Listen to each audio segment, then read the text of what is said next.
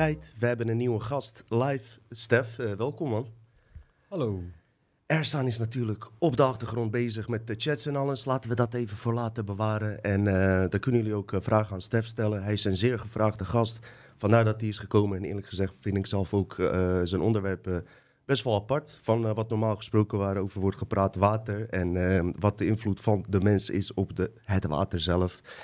Dus uh, ik ben benieuwd wat hij vandaag uh, ons kan vertellen. Wat ik jullie wel kan zeggen. De aflevering die wij toen gemaakt hebben was zo onverwacht. En misschien kan ik daar wel wat over vertellen. Want ik kreeg zeg maar best wel vaak kreeg ik mensen die, die vragen van ja, kan ik in de show komen en noem maar op. Ik ben er geen voorstander van als ik iemand niet ken of via via niet. Maar er was een jongen die bleef aandringen van ja, ik wil graag komen, ik wil graag komen en zo. En ik zeg is goed. Um, ik had al een slecht uh, gevoel bij. Ik zeg, is goed, weet je, uh, kom maar. Maar mijn gevoel uh, was niet echt 100%, maar ik dacht later wel van, hey, als hij zo graag wil, geef hem gewoon een kans, weet je. Nou, we hadden afgesproken, ik had alles hier klaargelegd. Het hele ding moet worden verbouwd en alles. En hij laat echt op een hele ja, doorzichtige manier weten met een rotsmoesje dat hij niet kon komen. Dus alles lag klaar. Ersan zou erbij zitten, ik bel Ersan op. En die zegt, ik weet wel iemand voor jou. En toen heeft hij dus Stef geregeld. Dus bij deze wil ik Stef bedanken voor het één, redden van die aflevering. Maar ook uh, zonder dus enige voorbereiding van wat we gingen doen. Het was gewoon, hij kwam hier en het was een uh, succesvolle aflevering. Dus bij deze bedankt Stef dat je ons ook toen hebt gered. En uh, ja, respect daarvoor man. Je kwam hier binnen no time. Want waar woon jij zelf? niet echt in de buurt hier hè, in Leiden. Nee, het is, uh, nu was het maar een uur rijden, want het verkeer was weer een beetje opgelost. Mm -hmm, maar, uh, een dorpje boven Breda, een kwartiertje boven Breda ongeveer. Oké. Okay. Okay. Klein dorpje, een paar duizend inwoners. Niet ja. gek. Ja. Dus uh, vandaag ook, ik was in de stad en iemand die ook naar Dutch Matrix kijkt, sprak me aan. Ik sprak met diegene. Ik zeg, joh, jongen, kom Stef. Hij heeft, sorry, verstand van water en zo. Toen vertelde die persoon mij dat. En hij vroeg of we dat even konden uitzoeken, want hij heeft het niet goed uitgezocht. En er, voor Ersan ook misschien interessant. Toen begon die, jongen over, toen begon die persoon over water en zei van... als een imam een gebed doet bij water, een bepaald gebed... dan kan dat water niet bevriezen. Dus uh, laat ik daar meteen mee inkomen. Dat was trouwens een Marokkaanse drugsdealer die dat zei, maar dat maakt verder niet uit. Um, kan jij daar iets in vinden? Uh, en hij zei ook meteen daarbij, uh, laat je publiek dat ook uitzoeken, want hij zag het sporadisch voorbij komen. Dus ik sta er wel open in, ik vind het nogal wat, maar uh, hoe, de, denk jij dat als je zoiets hoort? Ja, één puntje vanuit de wetenschappelijke kant die gelijk het hele watervries, zo, watervries bij 0 graden verhaal, als je zout toevoegt, dan zakt die temperatuur al. Dus je kunt al inspelen op de normale temperatuur waar water bij bevriest ja, als de bepaalde frequentie met bepaalde informatie op het water geprojecteerd wordt, wat je al zei, de intentie, je bent een elektromagneet. Dus op het moment dat jouw veld het water beïnvloedt, ik weet niet wat dan de mogelijkheden zijn, maar je bent wel zeker die beïnvloeder. Mm, zeker. En nu we over frequenties en alles hebben, ik heb hier ook een boek die ik ga bespreken, die ik aan het lezen ben. Nou, je kan hier een beetje zien waar ik ben. Greg, uh, Greg uh, Braden, topgozer. Iemand die zich vooral met, uh, als je iets over kwantumfysica, matrix en hartsintelligentie wilt opzoeken, zal je altijd deze man tegenkomen. Waarom vind ik deze man ook super interessant? Hij leeft ook dat leven waar hij over praat, weet je wel. Hij is zich wel bewust van complotten, maar hij is er niet zo een als ik die dat voor 90% naar voren schuift. Die man die, die, die pakt juist uh, het leven in de kracht die wij in ons dragen. En eerlijk gezegd, ik heb geen voorbeeld of wat dan ook, maar als ik naar hem kijk, zie ik dat hij gewoon. Uh, het lijkt of hij het gewoon goed voor elkaar heeft, weet je wel. En um, hij leeft dat leven waar hij over praat. Daar wil ik ook naartoe zelf. Dit boek, Divine Matrix, volgens mij ergens is 2007, 2006. Hebben ze een aantal experimenten gedaan met DNA en invloed van mensen op uh, DNA-cellen. En ik dacht nu, uh, Stef hier is, die ja, een beetje over dat water, waterkristallen heeft, invloed van mensen op het water en andersom dacht ik, misschien kan ik die uh, drie experimenten met jullie doornemen. Kijken wat Stef ervan vindt. En het past gewoon bij deze aflevering. Goed, hè? Aha. Zeker, ik ben benieuwd. Ik heb het idee dat ik er wel misschien eentje al van ken. Dat ze, ik weet even niet meer wat het exact was, maar DNA op een ander kamertje hadden gezet en mensen daarop gingen in, Klopt, zoomen, indenken. Ja. En daar hebben ze dingen op aangetoond dat het veranderd was. Klopt, klopt. Eén van, een van die drie is het zeker. Gaan we, op, eh, eh, gaan we bespreken. Eh Erzan is op achtergrond. Die gaat ook wat dingen van hem doornemen. Eh, ik sta compleet buiten Erzan's meningen. En eh, ik wil daarvoor niet worden aangesproken op straat, alsjeblieft, wat hij allemaal zegt. Dus eh, ook als er iets vandaag gebeurt, eh, elke mening is voor zichzelf. Die van mij, die van Erzan en van Stef. We zijn onafhankelijke eh, personen. En ik vind dat iedereen zijn ding moet kunnen zeggen. Vind, vind, je- vind jij ook niet juist goed dat er ook mensen zijn in de podcast, ook in de complotmedia, die het niet, niet met alles eens zijn? Die moeten dan toch ook een woord krijgen. Of, wat vind jij daarvan? Anders doen we toch hetzelfde als wat de mainstream doet. Uiteindelijk wel. Het, het simpele dingetje van als je een moordenaar vermoordt, ben je zelf ook een moordenaar. Hm. Kunt Dan, dan blijf je die cyclus mee herhalen. En het is juist wat je al zei met die Greg Braden. Hij is samen met Joe Dispenza en Bruce Lipton, dat die naam ook net even niet opkwam. Zij met z'n drie hebben geweldige shows en afleveringen en, en koppelingen naar elkaar toe over hoe milieubepalend is. Hoe dat jouw intent en jouw water, ja, kan je uren naar gaan kijken. Volgens mij zit het ook veel met Gaia. Ja, ook. Gaia, beter gezegd. Eh, Greg Braden heb ik in mijn eh, vroeger onderzoek al eh, ontdekt. Alleen ik was met mijn bewustzijn nog niet zo ver. Ik ben te veel afgeleid. Wil ik niet zeggen hoor. Het is goed dat ik daarbij bezig ben geweest. Complottheorieën. Maar ik zou echt meer eh, op die power in, in willen gaan. Eh, onze invloed dus. eh, wat wetenschappelijk door topwetenschappers is bewezen. En ja, ik denk dat wij hier straks hele mooie gesprekken over kunnen hebben. Van wat voor menselijke invloed van menselijke observatie. Wat dat heeft op de materie en werkelijkheid om ons heen. Goed hè? Oké. Sorry Erson, wat is er dan? Dat is wel heel veel woorden achter elkaar. Oké, eh, dat is mijn intro. Ik laat Stefan het woord. Ik ben benieuwd eh, wat voor nieuws hij eventueel in eh, huis heeft. En ik wil er alleen bij zeggen dat er heel veel mensen blij zijn dat je er bent. En om jou hebben gevraagd, man. Hallo, heel veel mensen. nieuws. Ja, daar zet je hem wel voor het blok in de zin van wat is nieuw. Er is natuurlijk heel veel gaande in de wereld. Ik heb me vooral gefocust op. Je kunt overal die, dat, zo'n klankkamer ingaan op Telegram en weer zo'n rabbit hole induiken van oh, allemaal nieuw, nieuw, nieuw, ellende, ellende, ellende. Dat heb ik best wel achter me gelaten een tijdje geleden. Ik ben Mm. me steeds meer gaan focussen op wat je net al zei met hoe jouw intent is, is vaak hoe je ook overkomt. En als je dat gaat reflecteren naar de geboorte van een kind. Een kind vanaf het eerste moment is eigenlijk aan het observeren hoe zijn de mensen om mij heen aan het doen. En dat wordt opgeslagen als, nou, ik moet zo doen in die situatie.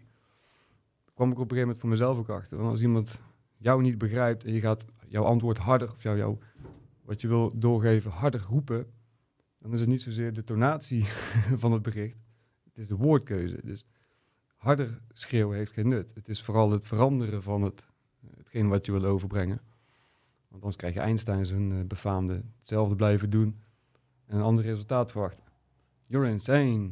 Ja, dat, de rust pakken. Dat heeft heel veel goed gedaan, om het zo te zeggen. Ik heb ook gehoord dat, eh, dat de mensen ehm, de trilling die onder jouw woorden zit, eh, in zich opnemen. Sommigen kunnen het decoderen, sommigen niet. Met andere woorden, je kan iets eh, zeggen van ik hou van jou, met de trilling eronder dat je het niet meent. En sommige mensen kunnen dat decoderen. Ja, dat is ook de befaamde fake smile. Als mensen dat dit doen. Pokerface of zo. Nou ja, je kunt wel je, je mond optrekken van ik lach. Ja. Maar als jouw ogen niet meedoen, Nee. Dan is het nooit een echte lach. En dat voel je dan, hè? Ja, dat, dat, dat van tevoren is dat eigenlijk al gevoeld. Of je zit zelfs in dat veld waardoor je dus die synchronisatie al meemaakt. Om te veel extreem ver door te trekken. Maar daar komt het fundamenteel, fundamenteel wel op neer. Elektromagnetisch gezien. Het doet me ik- meteen denken aan, zeg maar, hoe herken je acteurs? En eh vele van ons eh, hebben bijvoorbeeld Hugo de Jong, ik wil hem niet individueel aanvallen hoor, echt niet, maar al best wel snel herkend. En eh, nu merk ik dat hij in de mainstream media ook een beetje wordt uitgekost door die mondkapjesdeal en alles. Maar wat ze eigenlijk zouden moeten doen, is al die eh, figuranten uit onze politiek bijvoorbeeld, naast eh, eh, 150 doorsnee mensen uit Nederland moeten zetten. Met hun foto's en video's. En dan naar de Rimboe gaan ergens. Gewoon waar niemand weet, je, weet wie ze zijn. Ja.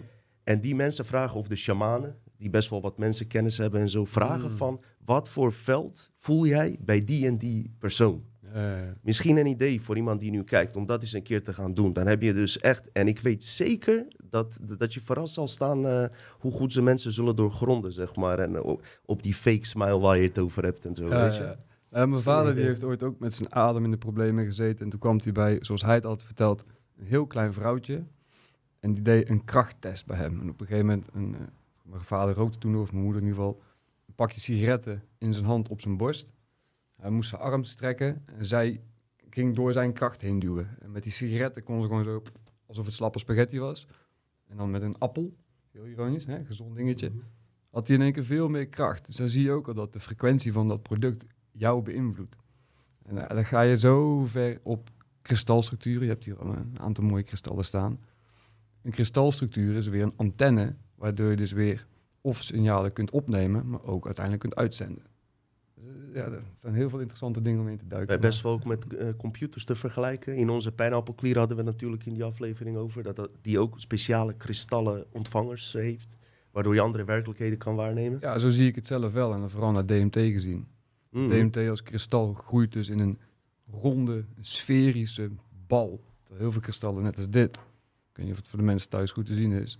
Die heb ik van Lorenzo gekregen. Lorenzo, ik heb laatst onze aflevering gezien ehm, over symbolen. Het is onwijs een goede aflevering. Ik heb die jongen zelf uitgenodigd en hij heeft eh, deze Ja. als cadeau gebracht. Bedankt Lorenzo. En hier zie je ook dat er rechte lijnen in het kristal zitten en het een beetje een die kant opgroeiende, eh 99% kans dat hij die kant op zal groeien. Dus waarschijnlijk wordt het een lang kristal. Ik wist niet eens dat ze groeiden, zeg ik je heel eerlijk, gozer. Ja, ja dat Ja. heb je ook filmpjes van op YouTube, dat ze tegenwoordig synthetische kristallen maken. Ja. En, en, eh, een end, die hang je in een vloeistof verzadigd met wat jij wil kristalliseren. Dat is vooral vaak dan warm, en als het dan afkoelt, dan raakt het, eh, het oplossend vermogen van jouw medium zakt, want temperatuur, thermodynamica. Dus de opgeloste stof gaat samenklonteren tot een kristal. Dus eigenlijk als je net suiker blijft toevoegen in je water, uiteindelijk komt het suiker gewoon weer op de bodem. Mhm. Stop met oplossen. Maar dan kun je het dus ook heel langzaam tot een kristal laten groeien. Jong, Dat is vet mooi. want suiker is eigenlijk ook een kristal, toch? Als ja, je het die is kristalsuiker ook. Dat noemen ze niet voor niks. Mm. Het is... eh, een mens zie ik vooral als een fluïde kristal. Water is letterlijk een fluïde kristal. Daarom kan het alle vormen aannemen van de frequenties in de buurt. En dan kom je weer bij wijwater en het hele intent en dat soort dingen. Zou het woord Christ, Christus iets met kristallen te maken kunnen hebben, denk je? Ja, het is wel het is een grappige, want eh, de heilige Christusolie is, meen ik, voor je derde ventricle. Dus je hebt, je hebt de holle kamers in je brein, de ventricelen. Twee die zijwaarts gaan, eentje naar het midden en dan nog eentje naar je ruggengraat toe.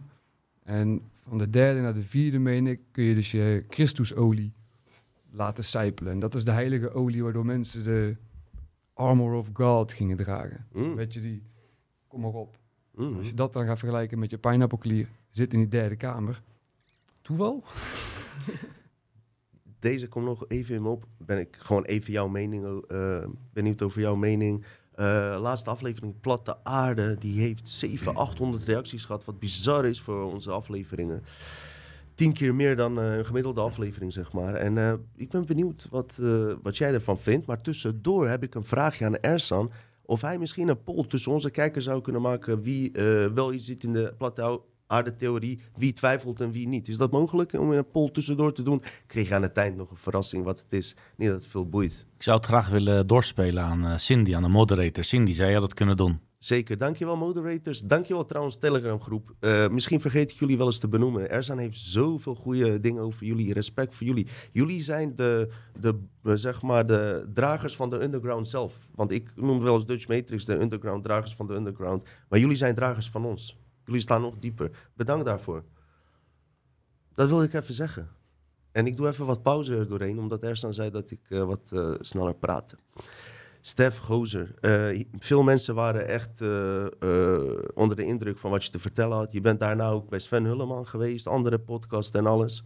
Is er iets wat je kan toevoegen, wat je al niet eerder hebt gezegd? Of ik ben sowieso van plan om naar vragen ook te gaan, mensen die vragen hebben. Maar heb je iets in nieuws? Maakt ook eigenlijk niet uit, hoeft niet eens over water te gaan. Maar iets dat je wilt delen. Weet je, misschien willen mensen ook jouw visie over andere dingen horen, weet je. Dus ik laat je hier bij deze, omdat we hier ook echt niks voorbereid hadden. En dat is juist goed om, ja, even aan het woord, man. Ja, ja, ja, oké, oké. Er zijn wel een paar interessante dingen die even aan te stippen zijn. Er is heel veel gaande met een bepaalde documentaire Watch the Water. En er komt een heel lang verhaal naar voren. Mag iedereen zelf uit gaan pluizen. Een van de onderwerpen die die man naar voren brengt... is dat nicotine een goed middel is tegen kwaaltjes die ergens vandaan komen. Nicotine is iets wat onze amygdala stimuleert. En de amygdala is het centrum in je brein, volgens mij heb ik dat eerder al eens een beetje verteld... Maakt niet uit, mag je wel nog wat je, een keer wat je angst registreert. Al is het Hmm. maar het denken van, mijn oven staat nog aan. Dat is een stukje amygdala. Hmm. Als je iets in jouw systeem hebt wat continu draait van... Oh, oh, oh, oh, alsof je je auto parkeert met een plank gas gewoon aan. Poetin komt invallen. Ja, plank gas wordt dan helemaal een grapje natuurlijk. Oh ja. Maar wat er wel gebeurt, is dat jouw lichaam in de fight-flight... Dit is fight-flight of fright stand. Die maar dan, reptiele eh, stand toch? gaat Ja, dus drie keuzes, fight, flight en fright. Maar je zit dan vooral in die stand van, ik moet nog iets doen. Fight, ik moet, ik moet, ik moet dat. Als je dat niet kunt cancelen, dan ga je vanzelf een extern middel ergens tegenkomen wat of dat eh, opheffende effect genereert of zoveel ander positief gevoel dat het, het een beetje een counter effect is. Nou, bij roken zie je er heel snel dat je hoeft alleen maar en te doen. Je krijgt dan een extreme snelle respons op eh, de- iedereen die de eerste keer rookt, dan voel je dat heel je lijf in één keer tingly wingly wordt, om het maar zo te zeggen. Mhm. Dat is vooral de nicotine.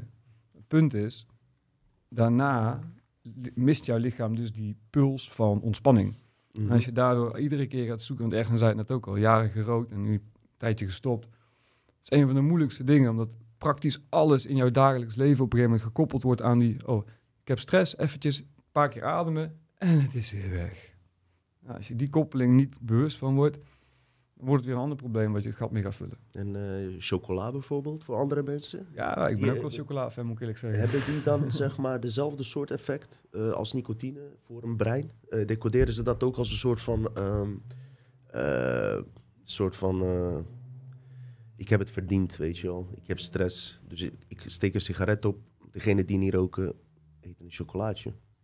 En Chocolade anderen zit, eh, spuiten weer heroïne in hun lichaam. Ja, volgens mij is chocolade dat er stoffen in zitten die een bepaald verliefdheidsgevoel na kunnen bootsen. En vooral in rauwe cacao. Het schijnt ook gezond te zijn trouwens. Ja, rauwe cacao is Ja. gezond. Ik heb Zit dat een in een rode staan. wijn ook, die stof toevallig? Of was dat weer Nee, iets dan ga anders? je volgens mij uh, resveratrol. Ja, resveratrol ga je dan heen. Mm. Volgens mij een flavonoïd.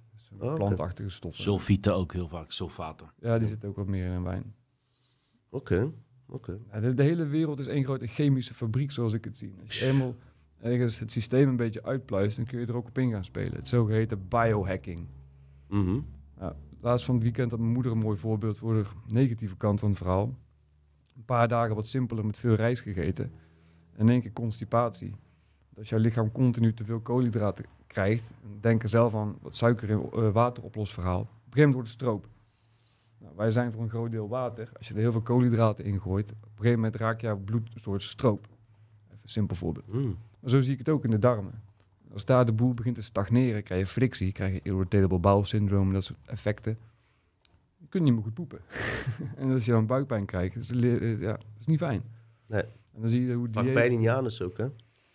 Nou ja, en het probleem met mijn Oh, moeder heet. was dan weer vooral dat een, bepaalde prikkel van het darmstelsel prikkelde bij haar weer spasme. Dus op een gegeven moment had ze buikpijn en tegelijkertijd dat de benen heel tijd aan het Oeh. ja, snap je? Dus dan zie je dat, hoe groot het effect van dieet is. Maar als je ergens weer een keer, Ramadan, Ramadan is nu bezig, vasten is een geweldig moment voor je lijf om te herstellen. Eigenlijk, wanneer je gaat slapen, dient jouw lichaam in vasten. Ersan is aan het vasten. Dat is eh, ook wel goed. eh, Ja, maar als je eenmaal die smaak te pakken hebt, detox, moderne detox noemen ze het. dan is het lekker hoor. Ik heb ook een keer zeven dagen gevast. Mo, je voelt je zo goed na dag drie. na Ja, dat dag klopt drie wel. Het is alleen de vraag, kijk, ehm, als je het voor jezelf, het is gewoon goed voor je. En dat laat toch ook weer zien dat eh, in de religies en oude geloven, hoe konden ze dat, dat, dat soort details allemaal weten waar de medische wetenschap daar nu pas achter komt? Dat vraag ik me altijd af, Stef. Onze medische wetenschap hier in het Westen is, ik meen, in 1918 ergens gerealiseerd. Toen begonnen ze met morfine. Dat was handig, want kon je de pijn weghalen als je toch een been moest amputeren in de Eerste Wereldoorlog en zo.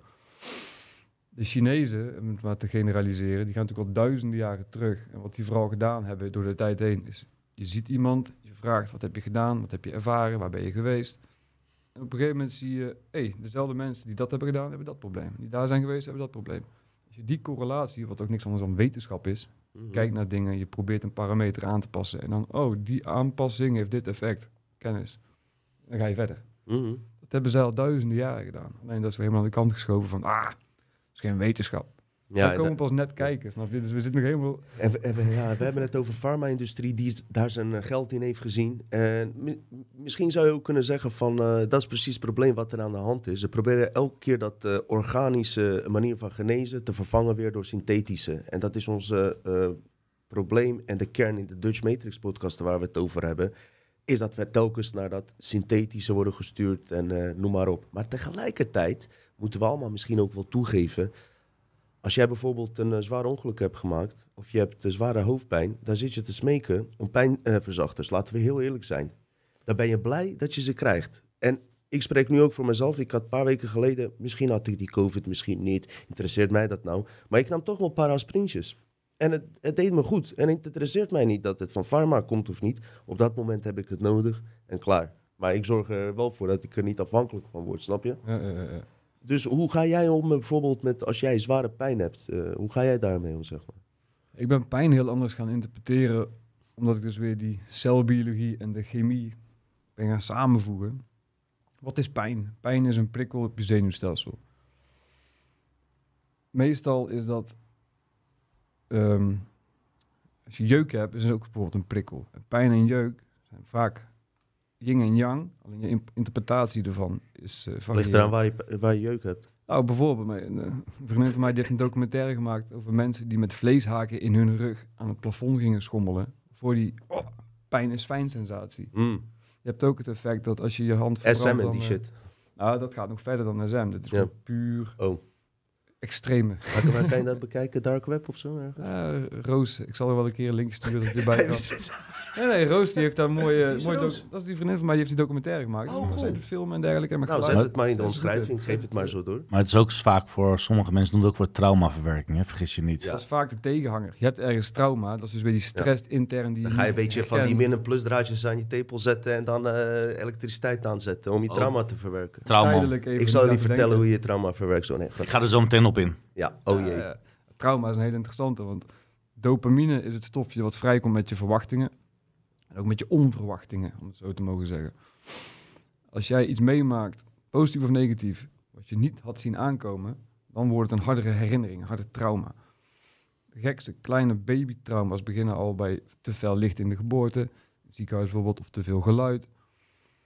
Eh, ook Roos, die zit heel veel in de yoga en dat soort wereldkant verhalen, het spirituele gebeuren. Als een baby geboren wordt, dient hij te draaien bij uitkomst. En heel veel baby's doen dat niet. Dus heel veel mensen missen al die tot het leven komen en even... ha.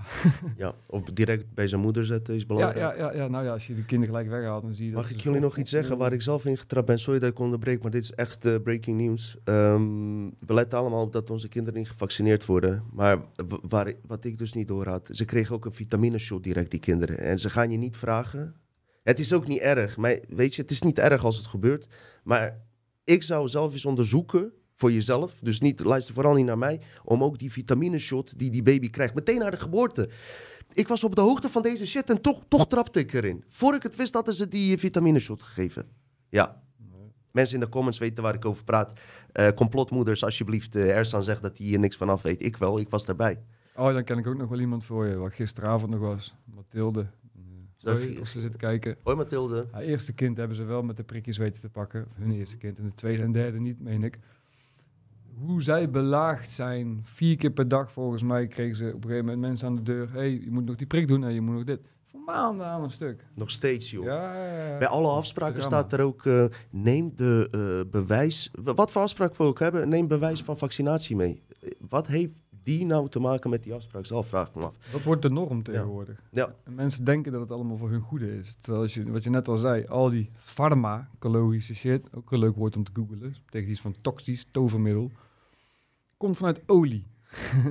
voor zover, ik ken mensen die stenen eten en die overleven het, maar olie drinken is denk ik wel een beetje. Dus ja, olijfolie. Olijf, wat ik net zeg, haha, me. grappig. De raffinaderijolie die uit de zwartste putten van de wereld komt, de drap. Dat is waarom gevochten wordt. Ja, ja, ja. Ja. hey Stef, volgens mij had jij een pdfje meegenomen of een pdfje laten zien of niet? Dat was een flinke pdf. Zo. Nou, Durf je hem aan eh, voor te brengen? Ik, eh, ik durf hem aan. Eh, mensen, hij is gedeeld, de pdf is gedeeld in de chat, eh, in de Dutch Matrix channel. Dus als je erover wilt hebben, ja, want uh, Ersen en ik gaan straks naar Geleenstraat in eh, Den Haag en die gaat 12 uur dicht. Dus, eh, niet tijdens de van ons- Ramadan. Oh nee. Ga vooral nu, hè. Dus voor 80% minder mensen lopen er. Nee, laat maar, sorry. Oh. Oké. Wat wil je weten? Nee, je, wilde, de, je zag een mooie- hieroglyphen Oh ja, en dergelijke. Dat, dat pdfje, ja. dat was het werk van Anthony Prat. Een man die op, ik meen Area 51, of in ieder geval een van die basissen te werk is geweest met plasma-experimenten. bepaalde gassen onder extreem hoge voltages zetten en kijken wat er gebeurt. Als je zo door- door zijn plaatjes heen scrolt, dan zie je heel veel dingen terugkomen. À la het swastika-symbool wat 10.000 jaar geleden al op rots is geschilderd. Eh, het torensveld komt erin voor. Maar Heeft er zijn magneetveld- foto's tussendoor? In de chat eh, kunnen ze zeker de, de, de foto's en de PDF oh, die had je bekijken. net ook misschien Ja. doorheen kunnen plakken. Excuses, anders hadden we dat ook geregeld voor je. Ga maar verder, Goos. Ja, dat kan kunnen doorheen scrollen, maar het is wel Ja. een lange is voor mij 23 pagina's. Ja, net oké, dat kan je herhalen. Dan maar vertel er maar over. Interessant, man. Maar het is vooral dat, dat magneetveld waar ik dan altijd mee bezig ben. Dat is een bol, sferisch. Net als bij de Kabbalah hebben ze het over de Sifra en de Sephirot. Sifra. Ja. Alles is balvormig. Dat is terugkomend op het platte aarde, ronde zo heb ik meteen, ja. Atomen hebben altijd een balvorm. Dus de bal zijn altijd enigszins rond. Niks is plenair. En als je een heel lang molecuul krijgt, bijvoorbeeld een, een vet, 18 koolstoffen aan elkaar, hij zal een krul maken. En wanneer die in het luchtledige komt, is er een grote kans dat hij naar zichzelf toeklapt. Want hoe meer jij openbaar hebt van jouzelf, hoe meer jij moet beschermen. Snap wat ik bedoel? Kan je nog even toelichten? Ik was er even niet 100% bij. Sorry, mensen. Anders zeg ik ja, terwijl ik het niet heb begrepen. Welk stukje? Eh, dat laatste. eh, dat- eh, kan je het laatste drie woorden zin herhalen? Sorry. Oei, oei. Maakt niet uit. Ga maar verder. Ik pak hem wel beet. Nee, ja, ik kan wel zeggen, ik begrijp het, maar dat, dan lul ik, weet je. Maar beeld je in dat je een touwtje hebt. Ja? En die draai je één kant op. Hier, touwtjes. Bijvoorbeeld zo'n draadje. En die Ja. draai je één kant op. En als je hem naar elkaar toe brengt, dan gaat het rafelen in elkaar. En dan, dan krijg je eigenlijk weer dat hij de andere kant op groeit, om het zo te Ik zeggen. snap hem, ja. Als je dat blijft doen, dan krijg je dat iets lineairs uiteindelijk een balletje wordt. Ja, Maar hier zijn ze. ja, dat zijn dus min of meer de verzamelpunten van de uitgestrekte energie, die over tijd materie wordt. Hm. En dat materie altijd naar elkaar toe trekt, noemen wij zwaartekracht. Centrifugale kracht. Jij gelooft wel in zwaartekracht, in tegenstelling tot eh Nee, nee, middelpuntzoekende kracht. Dat is heel wat anders eigenlijk. En je hebt ook eh, centrifugal en centripetal. Is dat, heeft dat met zero point energy te maken ook? Of eh, is dat Daar wil je naartoe. Hm. De zero point is tussen twee, twee magneten. Heel veel mensen denken vaak Noord- en Zuidpool en dan trekken ze elkaar aan. Dat dacht ik. Ze vallen in het nulpunt. Oh, En daar schieten ze in één keer oh geaccelereerd dat wist ik niet. Wist ik Dat niet is hoor. ook een nulpunt energie. Ik ben glazenwasser, ik kom uit Bosnië. Nou, hey, dat heb je een leuke. een tijdje Ik geleden was, met water eh, bezig. was een nicht van mijn moeder op visite. En haar vriend was erbij. Die is ook glazenwasser. En Ja? hij zegt, ja, wij doen met osmosewater. ja, klopt. Ik ook. Ja, Ja. dus ga Ik kijken werk zon. de hele dag mee. ik heb een eh, gast gehad, die werkte voor mij. Maar ik doe heel veel sop erin, zodat die ramen gaan glimmen. was een Hagenees, die was helemaal gestoord. Die dronk gewoon die osmose met die sop en alles uit die tank. Dronk die leeg. Hij zegt, ja, eerste drie weken moest ik vaak naar de wc, maar daarna wende mijn lichaam eraan. ik weet zeker, als Simon nu kijkt, die komt zeker niet bij. Hij kent die gast, die is helemaal gestoord. Maar, eh, sorry, eh, laat maar. Ja, maar dat effect is ook met zeewater. Je Ja. wordt altijd aangeleerd dat als je op een onbewoond, onbewoond eiland aan zou komen, en je hebt Oh, geen shit. water, Hier, nog meer je water. moet eh Geef niet. ten, nood stond, je ten toe toch gaan drinken. Mhm. Dan is het best om heel snel met zeewater te beginnen in kleine hoeveelheden. Want dan gaat je lichaam wennen aan die hoge zoutconcentraties, waardoor je niet door zo lang mogelijk te wachten uitgedroogd te raken, dan extreem zout water in je te gooien, dan trekt je lichaam dat niet meer. Dat is de tolerantie die je op kunt bouwen. En dat, dat zie je bijna op alles terugkomen wat je kunt bedenken. Ook met nicotine, ook met alcohol. Eh, het leven aan zich is een verwachting. En als je die verwachting helemaal hebt meegemaakt en je gaat jezelf wijsmaken, als ik dit ga doen van gisteren, is het net zo leuk als toen Mhm. en het valt tegen, dan begin je jezelf in illusies te houden. Je, brein is natuurlijk met een eh, lichtsnelheid werkende biocomputer, als we het zo mogen noemen. Dat is verrekte snel. Je loopt altijd achter je eigen feiten aan. En dat wanneer je schrikt van iets, is het, ik meen, zeven seconden minimaal voor de hoofd-Boeddha-mensen om zichzelf weer in die grondlage toon te krijgen. Die, aanslag, aanslag is dan... eh, ja. Excited noemen we dat vooral in de chemie als een atoom een elektronenschil elektronen verplaatst. En is die excited en wanneer die terugvalt, schijnt die licht uit. En die terugval duurt een bepaalde tijd. Bij ons is dus, je, hebt, je kunt aangeslagen worden. Het duurt minimaal zeven seconden voordat je weer op de basislijn kunt zijn. Heel veel mensen hangen te hangen in die aanslagstand. En dan ben je in een eh, burn-out loop aan het gaan. Trekt je lichaam niet over lange tijd. Ik moet zeggen, en daarom zeg ik over die Greg Braden. Kijk, ik ga ook niet zeggen dat hij, eh, wat, wat ik straks zo eh, even over ga hebben. Ik ga niet zeggen, misschien heeft die gozer thuis meer problemen dan ik, snap je? En heeft hij het gewoon niet over. Maar ehm, ik voel dingen bij mensen. Ze kunnen wel zeggen, oh, ik ben zo spiritueel, ik zie daar doorheen, als jij ongelukkig bent of niet. Deze vent eh, laat dat wel zien, zeg maar, dat hij wel in balans is en alles. En ik denk dat voor ons, vooral die onderzoekers en zo, die met levensonderzoek bezig zijn, die, die tegen worden gewerkt door bepaalde krachten, echt belangrijk is om dit soort dingen ook eh, te weten hoe je ermee om moet gaan, Stef. Eh, om niet bijvoorbeeld in zo'n eh, loop met gedachten te komen, waar ik zelf vaak last van heb, dat ik achter elkaar dezelfde gedachten heb waar ik niet om heb gevraagd, weet je wel. Ik denk van, hé, het gaat nergens over, maar toch komen ze terug. Ja. Dus het is wel belangrijk om dan je, jouw manier van meditatie te weten. Voor sommigen een gebed, ik vind het prima, moet je zelf weten. Maar dat je wel weet wat je moet doen, zeg maar. Ja. Voor iedereen is het anders natuurlijk. Dus eh, dit soort dingen zijn wel belangrijk. eh. Mantra's gebruiken ze ervoor. Je hebt het, dat je je vingertoppen af kunt gaan. Dat is ook een bepaald, je bent bezig en tegelijkertijd stimuleer je de punten van je, nou, je drukpunten, je meridianensysteem. die acupunctuurdingen of zo. Acupressuur in dit geval vooral. Mhm, mhm. Dat is ook een grappig dingetje. Toen ik daarachter kwam, besefte ik in één keer dat ik als kind deed ik dat altijd. Als ik op de wc zat, Ja. ik zo mijn nagels induwen, andere kant op. Er zat er wel eens eentje bij die gevoelig was en dan bleef je die gewoon langzaam doen. Op een gegeven moment was de pijn weg. Mm. Nou, dat zit dan weer gekoppeld met heel je meridianensysteem, zo meridianensysteem, waar je organen, je brein, alles weer aan gekoppeld zit. Zo.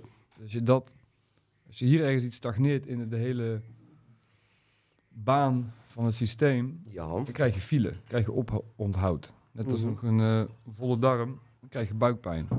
Ja. Dan komen we weer terug bij het, het verhaal waar ik aan begon van pijn en fijn. Nou, De, de prikkels zijn objectief. Het is een biologisch systeem wat doet wat het moet doen wanneer je gestimuleerd. Maar de ervaring is vaak subjectief. Dus het is heel moeilijk om te zeggen wat voor de een pijn is, wat voor de ander geen pijn hoeft te zijn. Hm. Het kan tot wat ik al zei met die vleeshaken. Ik zie het mezelf nou niet doen. Maar je weet nooit waar je in je leven uitkomt dat je in een keer nodig hebt om... Ja, kijk naar morfine. Morfinepompjes zetten ze ook altijd op een max. Omdat ze weten, te veel is waarschijnlijk je dood. Want je stopt met ademen. Als je te veel vergt van je lijf in een adrenaline-achtige kick... zijn er ook genoeg mensen die het niet redden. mhm, Dat zijn mhm. weer die extreme waar je altijd vanzelf naartoe groeit. Als je niet bewust wordt over je eigen... Mijn lichaam verlangt dit, verlangt stofjes. goed naar je lichaam luisteren. En eh, wat ik heb geleerd vooral, en inderdaad Greg Braden en zo, is eh, bewustzijn de, eh, je door je pijn heen gooien in je lichaam. Want wat menselijk bewustzijn, ik heb al zo vaak gezegd, maar wat menselijk bewustzijn dus observeert, eh, originele bewustzijn, dan, dan brengt ook iets in gang. En dan kan dat probleem ook verholpen worden. Programma dat op dat moment draait, kan eh, eh, meetrillen met jouw vibratieveld. Waardoor jij zeg maar de autoriteit neemt over dat moment. Ja. En niet die gedachte zelf. Ehm, even voordat ik hier naartoe ga. Hè, wat je net vertelde, ehm, die atomen zijn rond. En alle bouwstenen hè, hebben een bepaalde structuur wat best wel lijkt op planeten en alles. Hoe denk je over die platte aarde eigenlijk, gozer? Eh, wat is jouw in- heb je die aflevering gezien? Ja, ik heb hem gezien. Ook wat is jouw eh, indruk van jouw in- invalshoek? Dat is een beetje de reden waarom Peter van zijn poppenkast in één keer vroeg van... Stef, kom langs, want overal gaan ze over platte aarde. We moeten even praten. Hmm. Dus we hebben drieënhalf uur aan Frans en ik hebben toevallig, echt heel toevallig. Dus was niks eh, dat ik het van hem zag. En hij ook zeker niet van mij, want hij was iets eerder. Maar ik zie Frans twee uur s'nachts die platte aarde doen... terwijl wij diezelfde ochtend eh, afspraak hadden om op te nemen. Dus ja. eh, het is toeval. Maar wat ik denk, met mijn theorie... die gedachtenveld van mensen die dat in hun collectieve gedachten in Nederland hebben... die hebben dat uitgezonden, waardoor dat naar ons is gekomen om het uit te zenden. Ja, dat is het hele veldverhaal. Ja, Alles dus iedereen denkt. Wat ik ermee wil zeggen, of je ervoor of tegen bent, het speelt wel in ons collectief bewustzijn. Anders hadden wij het niet uitgezonden. Kijk hoe toevallig het is dat, dat Frans en ik dat eh, tegelijk uitzenden. Terwijl we allebei twee jaar tijd hadden om dit te doen. En we doen het precies.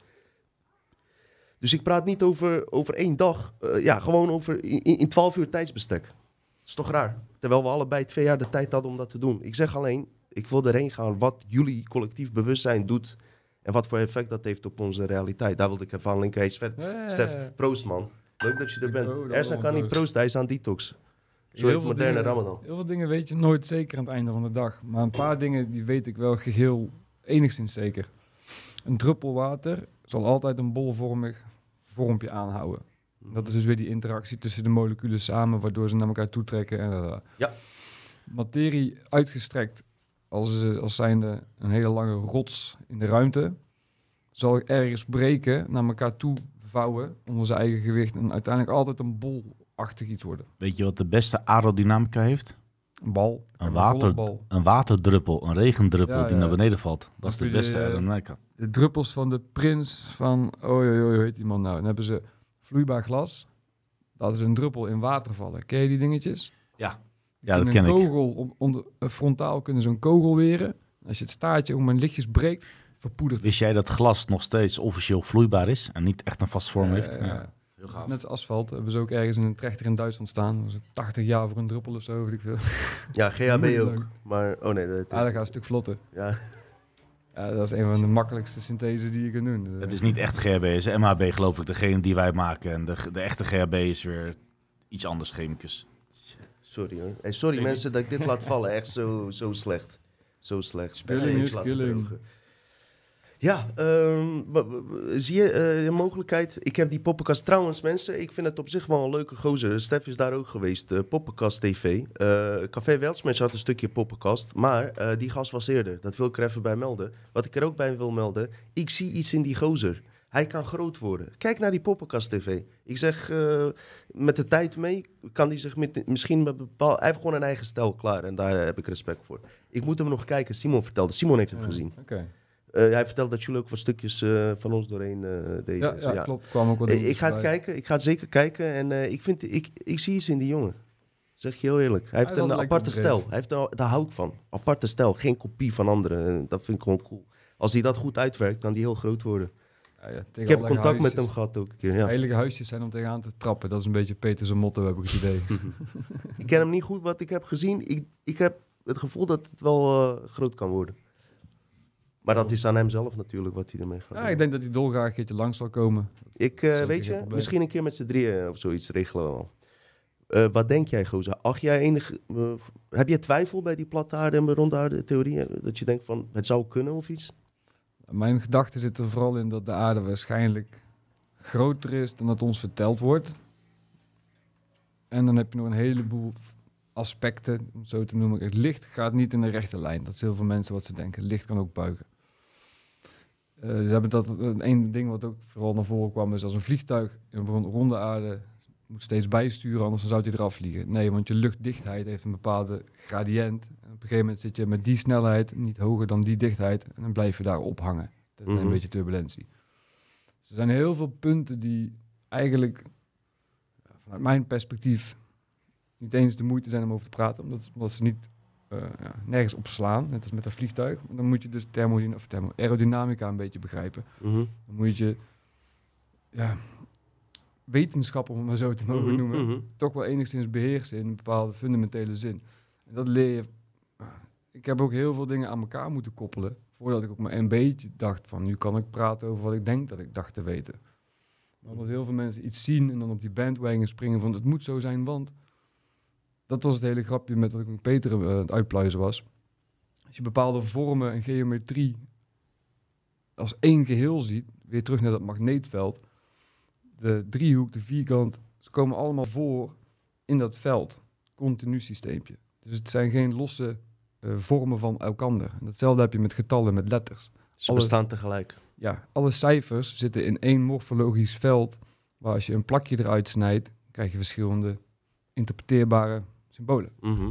Maar het is hetzelfde loopje wat gaande is. En dat is weer onze menselijke interpretatie. Wij gaan ervan uit van, oh, het is een fragment en dit is een stukje en de Ja, tafel ja. het boek zit los van de tafel. We zijn alles gaan opdelen. Ik heb zo'n gevoel, we hebben een decennia, al een millennia lange opdeling van allerlei dingen. En nu begint heel veel terug te komen in het je hebt het net over die tafel. Stel je voor dat hier eh, op deze tafel mieren leven, die gaan niet verder dan deze tafel. In hun werkelijkheid leven zij in een platte wereld. Ik heb dat een keer tijdens een... En wat ik probeerde uit te leggen, want eh, ik wil niet mensen met platte aarde afzeiken. Het zijn er zoveel gozer. Eh, je, je moet het ook niet onderschatten. En ik ben blij dat we de kans ook hebben gegeven om die mensen hun verhaal te vertellen, weet je wel. Oh, zeker. En er zijn echt geen gekke dingen die ze benoemen. Moet ik heel eerlijk zeggen, die jongen die er was. Alleen het probleem is, eh, net wat jij zegt, daar ben ik het mee eens. Onze perceptievermogen is maar 0,0001%. En aan de hand daarvan ga je allerlei conclusies trekken. Ja. Snap je? Maar die mieren, weet je, die denken dat dit de wereld is. En dat denken wij ook vaak. Die zullen ook misschien verder ontwikkelen, bepaalde metingen doen. eh, totdat ze achterkomen dat buiten die tafel ook een kamer bestaat waar die tafel in is. En dan gaan ze verder miljoenen jaren onderzoeken. Komen ze erachter dat eh, die kamer zich in een huis bevindt met meerdere kamers, toch? Ja, eh, eh, En daarom is het eh, eh, slecht om te zeggen, als je een mier bent, dat je de volledige waarheid weet, weet je? Ik heb er een keer iets heel moois over in een live uitzending met eh, Simon toen over gezegd. Ehm, is het goed als ik even een break ga houden, Dino? Zal ik er even doorheen lopen? Of, eh, Ehm, we kunnen die reclame er doorheen eh, eh, proberen 10, 20, 30 seconden. Zelf kan je eventueel ook een plasje doen. Kan je, ben jij bereid straks om die foto doorheen te gooien? We zitten in een experimentele fase. We gaan steeds meer uitbouwen. Die poppenkast TV, wat heeft die gozer dus? Zo'n knopje kan die voor camera schuiven. Hebben we weer van hem gezien. Gaan wij ook doen. Als die foto klaar staat, kan ik gewoon even geluidje doorheen knallen. En dan kan jij er doorheen lopen, gozer. Ja, dan heb je alle tijd daarvoor. Maar dan moet je dat natuurlijk wel op tijd doen. En dat, eh, de foto kan uiteraard weer weg. En eh, zo hebben wij meteen ook een test voor onszelf gedaan. Dat, eh dat dingen even vlot verlopen. Wat ben je van plan? Wil je hier zitten? Of, ga jij maar naar boven? Eh, blijf van mijn vriendin af. En, ehm het is Ramadan, Ramadan. Ik hoef me geen zorgen te maken. Ehm, ja. smakelijk eten is dan. Zeker, zeker. Ondertussen nemen wij wel eventjes... eh, Oh, hou je die chat boven in de gaten gewoon dan? Oké, is goed man. Eh gozer, ehm, nee, nee, goed om van jouw perspectief iets te horen. Het zou- ja, oké, hij gaat dicht. Eh, over dat water eh, en alles. Want ja, aarde bestaat voor 70% uit water. Dus daar Ja. ben ik wel altijd wel benieuwd van iemand... Hè, over dat platte aarde dan, in dat geval. ja, hoe zit het met dat water? Zij geloven bijvoorbeeld niet in het algemeen in zwaartekracht en dat soort dingen. Nou weet ik dat jij daar iets meer over weet dan ik zelf. Hoe, hoe- hoe zie jij zwaartekracht dan? Dat is de grap. Zwaartekracht is het verhaal van alles valt met een bepaalde 9,81 meter per seconde naar de aarde toe. Maar technisch gezien valt de aarde en het object naar elkaar toe. Maar de massa van de aarde is zoveel malen groter dat het 0,00001% of nog minder zal zijn ten opzichte van het andere object. Dat is ook de grap. Als je op iedere keer dezelfde momenten een raket de ruimte in zou schieten, dan ben je technisch gezien de zon of de aarde uit zijn orbit aan het duwen. Mm. Maar dat is ook dan weer zo'n kleine fractie dat je een miljoen raketten tegelijk iedere dag zou moeten doen, bij wijze van, om een beetje invloed te, te krijgen. Mhm. Mhm. Dus dat is ook weer wat, wat je zei met zo'n mier. We, we kunnen heel veel, we hebben gigantisch leuke techniek. Maar moeder aarde is nog zoveel malen verder dan dat wij durven denken. Mhm. Dat is ook wel heel veel grote wetenschappers steeds. Op het moment dat ze dan oud en eh, heel veel meegemaakt hebben, komen ze vaak tot die realisatie. En Erwin Schrödinger was er ook eentje van. Er is meer dan deze hardcore wetenschap die mij is aangeleerd. En dat bedoelde ik net al met die Sephiroth. Die gaan uit van tien realms, eh, tien, tien rijken, waar jij door kan gaan. Het Kabbalah-verhaal, de Tree Mm. of Life. Mm. Dat zijn allemaal sferen, net als met een ui. Die heeft een kern met lagen eromheen. Onzichtbare lagen. Ja, en dan krijg je, wat je net al zei, 0,05% kun je zien van alles wat ons bekend is aan ele- elektromagnetische ehm, energieën. Mhm.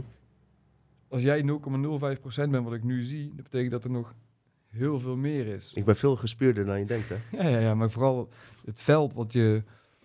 Ja, die magneten ook. Het zijn natuurlijk maar kleine stukjes metaal. Op het moment dat je dat veld zichtbaar kunt maken, of het nou met eh, spijkers eraan hangen is, of, of ijzerzaagsel, zo, ijzerzaagsel, vijzel, vijzel, ja. Pfizer. Vijzer, vijzervaarsel. Sorry hoor. En dan krijg je dat je dat veld begint te zien. En dat veld is juist hetgene wat de beweging initieert. Niet het, niet het ding zelf. Dat is Hmm. gewoon een statisch... Alles beweegt uiteindelijk. Ja. Ieder, ieder atoom draait om de as en dat soort dingen. Ja. Net als de aarde zou je zeggen. Ja, maar dat is... Kijk, sommige dingen... eh, mensen die duizenden jaren lang met schepen aan het varen zijn geweest... Als het zoveel groter is dan dat wij denken... dan zie je de bolling uiteraard niet. Mm. Oké, dat Einstein... Heb je, ja, hm. Voor mensen die de poppenkast hebben gezien... er zit een stukje in met een masker van Einstein. Kun je ook op YouTube vinden. De Hollow Mask of Einstein. Dan zie je het gezicht van Einstein... waarvan je denkt... het zit nu met de uitstulping naar mij toe. Ja. Dan draait hij om zijn as... en dan zie je dat je in de holte aan het kijken bent. Hmm. Dan draait hij nog een keer om zijn as... en dan weet je ondertussen... dat is de, stulp, dat is de instulping... En weer word je voor de gek gehouden. Terwijl je 100% weet... Nee, nee, nee, nee, nee. Perceptievermogen. Ja, ja. je weet dat het eraan komt en alsnog... Ah, weer gefopt. Wat vind je van het idee, eh, je hebt het net over die onzichtbare velden, waar Kabbalah zich ook mee bezighoudt. En eh, veel geheime occulte groepen en alles. eh, acht jij mogelijk, waar wij het vaak hier over hebben, althans ik vooral. Ik ga niet, dus niet voor Ersan, zeker niet, ook niet voor Simon praten, dat we juist uit die onzichtbare velden worden gemanipuleerd. Als bijvoorbeeld eh, designers of producers van een computergame die de mogelijkheid hebben om dingen aan te passen, zoals je perceptievermogen en dat soort dingen. En dat wij onderling elke keer elkaar afmaken, zeg maar, terwijl de designers achter dat spel eigenlijk de boel runnen.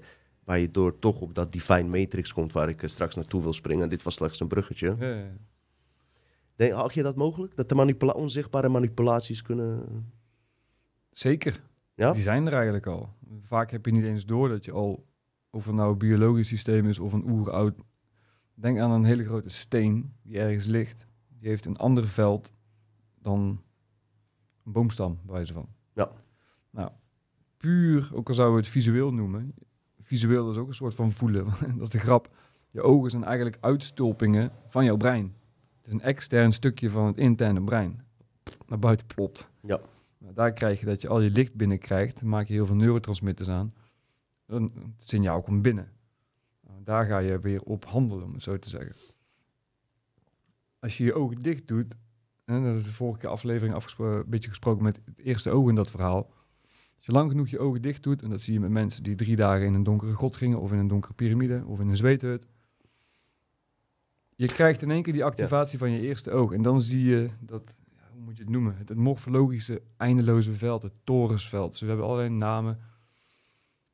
Daar is, ehm,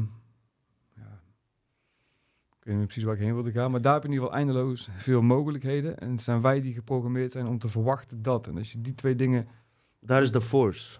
ja, maar als je daarin kunt leven, in die flow staat, in de, in de, in de alles staat, Mhm. zit je uit je verwachtingen. En dan ben je dus uit je brein aan het gaan. En als je uit je brein aan het gaan begint, begint te gaan, kom je in je hart.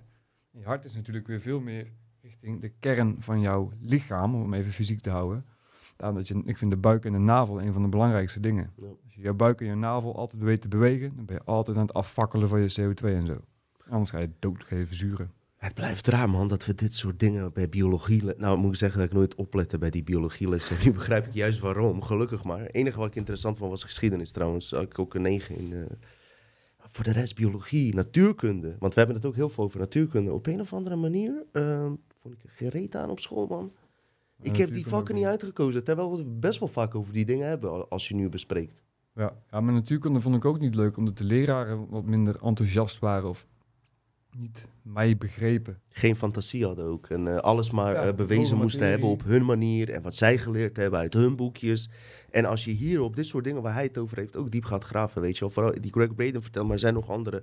Er zijn topwetenschappers hè, vanzelfde level, hè, vanzelfde level opleiding. Die heel anders over de realiteit denken dan eh, wat ons geleerd is. En het grappige is, naarmate de tijd verstrijkt, kregen zij steeds meer waarde. Door onze Ja. techniek die vooruit gaat. Vooral dat holografische universum, Matrix-universum. Onze naam is Dutch Matrix. Ik heb één aflevering gemaakt. Matrix-realiteit. Dat was een aflevering nog voordat deze podcast begon. Had ik hem gemaakt. Het was eigenlijk een proefaflevering. Ik had nog mijn jas aan. was onwijs koud buiten. Toen hadden we nog geen verwarming. Nu wel. En ehm, in ieder geval eh, heb ik wat dingen benoemd. En ik wil daar even nog wat extra punten in benoemen. Vind je dat goed? eh, wat misschien lekker eh, met jullie over correleert. Zo en zo hebben we te weinig, doen we te weinig met dit soort dingen wat Stef doet. Ik vind dat wel heel erg belangrijk. En ehm, eh, ik probeer me in de toekomst wat meer daarop te richten. Er zijn heel veel onderzoeken gedaan om aan te tonen dat wij in een ehm, eh, pixel digitale realiteit leven. Dus dat houdt in dat we eigenlijk in een geavanceerde, geavanceerde virtual reality leven. En dat dit gewoon een zeer geav- geavanceerd spel is. En ehm, dat alles volgens eh, een holografisch computersysteem werkt. Wat Stef ook vertelde. Je hebt je hersenen, die hebben een opslagruimte. Net als je PC heeft een opslagruimte. Allerlei mappen. Mappen kun je verwijderen, tijdelijk filteren. Al, al die technieken, die kunnen toegepast worden ook in onze brein. Daar wil ik me niet te veel op richten. Maar in ieder geval wil ik alleen vertellen dat de eh, topwetenschap van nu... eh, zelfs die... eh, hoe heet die eh, man die overleden is in die rolstoel? Stephen Hawking heeft gezegd, zijn conclusie is, dat zegt de modernste topwetenschappers, dat we in een holografisch universum leven. En dat alles eigenlijk door een intelligentie moet zijn gebouwd. Ja? Maar wat we eigenlijk willen doen is ook hiermee, wat kwantumfysica is, dus aantonen hoe eh, onze observatie van een menselijk wezen effect heeft op de realiteit. Dus we willen eigenlijk dat kwantumfysica, creatiekracht, eh, willen we aantonen, toch? Je- je- als je iets niet volgt, toevallig Stef, zeg het even doorheen ook voor die Eh, kijkers. lekker verder. Ja, lekker als je, als je iets niet volgt, eh, onderbreek me gerust, ja? Het is een heel eh, eh, simpel verhaal, dus jij volgt het vast wel. Dus dat wilden ze bewijzen op eh, verschillende manieren dat de mens met zijn observatie en zijn gedachten, aandacht en focus effect heeft op onze realiteit. Topwetenschappers. Albert Einstein was daar eens sceptisch over. Net voor zijn dood gaf hij het toe. Maar ook andere, Carl Jung. Dan heb je eh, David Bohm, eh, topwetenschappers die met Einstein gewerkt hebben. ehm, die vertelden dat eigenlijk dit leven waar we in leven en onze brein een hologram is. En dat het niet zo echt is zoals wij zouden denken. Het heeft meer principes van een virtual reality computerspel waar je het nu naar zou kunnen vertalen. We hebben digitaal, ze hebben eh, binaire codes gevonden. Diep in de kosmische stralen van het universum wordt ook in de topwetenschap over eh, gepraat. Eh, codes met ene en nullen. De principe basissen waar computers mee werken. Ze hebben pixels gevonden. Ehm, dus het is niet zo'n rare theorie. Maar hoe toon je aan dus dat de mens effect heeft om, op zijn omgeving? Nou, dit boek dus, onder andere, Divine eh, Matrix van Greg Braden, eh, vertelt over drie experimenten die ik even globaal hier doorheen wil bespreken. En ongetwijfeld zal Stef eh, hier een in- invoeging in, in hebben. Ik vertel gewoon één experiment voor één. Ik heb al vier glaasjes op, daarnaast is het nog heel waterig. Dus ik hoop dat ik het nog een beetje terug kan halen. Maar ik doe per experiment. En als jij er iets aan wil toevoegen, zullen we zo doen? Is prima. Dat je dat zegt. Nou, eh, ze hebben dus experimenten gedaan. De bedoeling is om te bewijzen dat menselijk DNA ehm, afgescheiden van elkaar eh, effect heeft op eh, onderling, maar ook op de realiteit om zich heen. Wat hebben ze gedaan? Ze hebben een ehm, vacuümdichte ehm, tube, hebben ze met vacuüm eh, eh, verpakt, alle licht eruit gehaald en hij zou dan helemaal leeg moeten zijn. Maar echte topwetenschappers weten dat lichtfotonen nooit leeg kunnen zijn. Die zitten er altijd nog in. Dus ook al is het donker, eh, lichtfotonen zitten erin. Die zitten ongeordend in de tube. Wat hebben ze gedaan? Toen hebben ze een sample van mensen, dus in, in dat geval, eh, en dat is gewoon normaal, eh, hebben ze onderzocht. De fotonen, en wat zijn fotonen? Dat zijn kleine lichtdeeltjes waar alles uiteindelijk uit is ontstaan. eh, wat je om je heen ziet. Ehm, die zaten ongeordend in dat tubetje. Wat hebben ze toen gedaan? Hebben ze menselijk DNA in die tube gezet. Ja. Toen gingen ze het weer observeren. En toen zagen ze dat die lichtfotonen hele mooie rechte of andere soorten structuren begonnen te vormen. Dus het feit dat alleen dat die menselijke DNA in die tube was, had het effect op die lichtfotonen die erin zaten. Oké? Toen dachten ze, dit hadden ze al een beetje verwacht. Toen dachten ze, nou, als we die DNA erin, eruit halen en weer gaan filmen en observeren, dan moet het weer ongeordend zijn. En wat is het verhaal? Nee. Ze bleven mooi recht in structuur. Wat wilden ze daarmee zeggen? Ehm, dat waar een mens is geweest, want het was menselijk DNA, waar jij mee in aanraking komt, wie jij een hand geeft, wat jij aanraakt, zal altijd blijven staan. Zal altijd bestaan. Jij laat altijd een, eh, een handtekening achter. Als jij er niet meer bent, deel van jou blijft hier altijd. Altijd, voor altijd. Het glas die je hebt aangeraakt. En dan kan je het misschien ook koppelen dat we elkaar, en dan ga, zover ga ik niet eens hoor, dat we elkaar geen hand mochten geven en alles. Maar straks zal ik hier nog wat eh, toevoegingen hierop zetten. En eh, de wetenschappers die dit onderzocht hebben, dat zijn niet mensen die in mijn ge- theorieën geloven, maar die hebben het over een onbekende force. Weet je, onbekende kracht. Wij weten wel dat dat onze goddelijke kracht is. En kwantumfysica. Maar zij niet. Ik zit eh, echt in een goed DNA-stukje als je zat te kijken. Loop er maar doorheen. Eh, Oké, geen probleem. Ehm, ik ben zo klaar hoor. Dan ehm, dat komt het wel goed. Dus dat was één experiment. ehm, wat ze eh, noemen trouwens de Phantom Effect. En eh, dit laat zien dus dat echt eh, ons DNA effect heeft op de realiteit. En jij bent degene, als je da- daarvan bewust bent, die het DNA beheerst. Dus ik wil alleen even een start maken in het feit ons allen te leren hoe belangrijk we zijn en wat voor effect wij op de realiteit hebben. Ook al wordt van kleins af aan ons aangeleerd dat, dat we niks voorstellen. Maar elk persoon die hier ooit is geweest, heeft voor altijd een eh, afdruk eh, achtergelaten. Ik zou vooral tegen iedereen thuis zeggen, als je het nog niet gedaan hebt, het rijst-experiment. Neemt een lading rijst, die kook je, alles in één batch. Als het gekookt is, verdeel je het in drie potjes. Eén potje zeg je, ik hou van Heeft Dani verteld. Ja, Dani heeft er ook al over verteld. Dat was een van de eerste dingen die ik jaren geleden deed toen ik als wetenschapper het water tegenkwam. En ah, dat is allemaal wel. Toen moest ik maar gewoon proberen, want Mhm. dat is wat de wetenschap doet. Je doet het en aan de hand van de resultaten kies je de volgende stap of Ja. je gaat nooit zeggen, dit is het antwoord. Je bent continu aan het zoeken eigenlijk. Ja, ik had drie verschillende potten rijst. In de zin van eentje zwaar beschimmeld, die ik aan het haten was. Die ik aan het houden van was. Die was meer aan het fermenteren. Ook nog een beetje zoetig, met een, met een glazuurachtig laagje. In plaats van dat zwart, grijze, harige. en die negeerpot, die was eigenlijk ook deels grijs, zwaar beschimmeld. Wittere schimmel vooral, maar het was niet... eh, dat was een duidelijk verschil. En uiteindelijk kun je er heel, veel mening over hebben. Maar ik heb een beetje de andere kant van de medaille meegemaakt met mijn water. Op een gegeven moment heb ik mezelf zoveel keer geproefd van... oké, hier is iets aan de hand. Mijn ouders, zoveel mensen om me heen die ik dan vertrouwde. Dubbelblind laten testen. Ik was overtuigd, er is iets anders na en voor magnetiseren, om het zo te noemen. Mensen die 100% sceptisch zijn in hun brein... die gaan dat allebei een slokje nemen en die zeggen nee, er is niks. Omdat ze dus de andere kant van de medaille overtuigd zijn dat het niet kan zijn. Placebo-effect. Ja, het nocebo-placebo Ja. verhaal. Omgekeerde, ja. Ja, ja, ja. Dus daar op een gegeven moment, eh, 95% van de mensen, op 100 mensen die zeiden dit is wat jij gedaan hebt, dan heb je wel een goede correlatiefactor. Ja. Maar die andere paar mensen die al eh, later zijn er wel een boel die bijsturen, omdat ze je bent iets aangeleerd wat jouw brein van overtuigd is, dit bestaat niet. Dus je gaat alles doen om jezelf te overtuigen van jouw aangeleerde verwachting. Hm, Dat is de moeite van het brein. Iedereen heeft verwachtingen, weet je. Mensen van 60, 70 jaar geleden, die hebben of de verwachting dat de wereld hartstikke vrij is, of dat je juist extreem goed met de politie samen moet werken. Ja. Dat was toen de opdeling ook. Collectief Ja, 60. bewustzijn valt ja. iets anders. Misschien kan je een foto doorheen plakken, kunnen we weer oefenen. Ersan, Ersan gaat weer op zijn plek zitten, maar ik probeer deze podcast iets professioneler te maken met een, eh, eh, met- een grapje tussendoor, glimlach. Maar gewoon dat het even lekker vlot loopt, weet je wel. Niet dat hij elke keer met, met zijn lichaam door, door het scherm loopt, weet je. Hey, je moet toch ook weten dat wij ook een beetje bezig zijn om beter te worden, toch? Maar waar het uiteindelijk om, uiteindelijk om draait is wat we brengen. Progressie is beter dan perfectie in ieder geval. Wauw, ik Als ben het niet in staat... goed is, dan, eh, Ik ben niet in staat om niet, dit nu te begrijpen. Ik heb vijf van deze ook, man. Vijf Shivas hebben. ja, Vijf wat, wat Shivas. is je max? Hoe ver moeten we gaan met jou? Nou, ik zou je vertellen, gisteren om eh, vijf uur.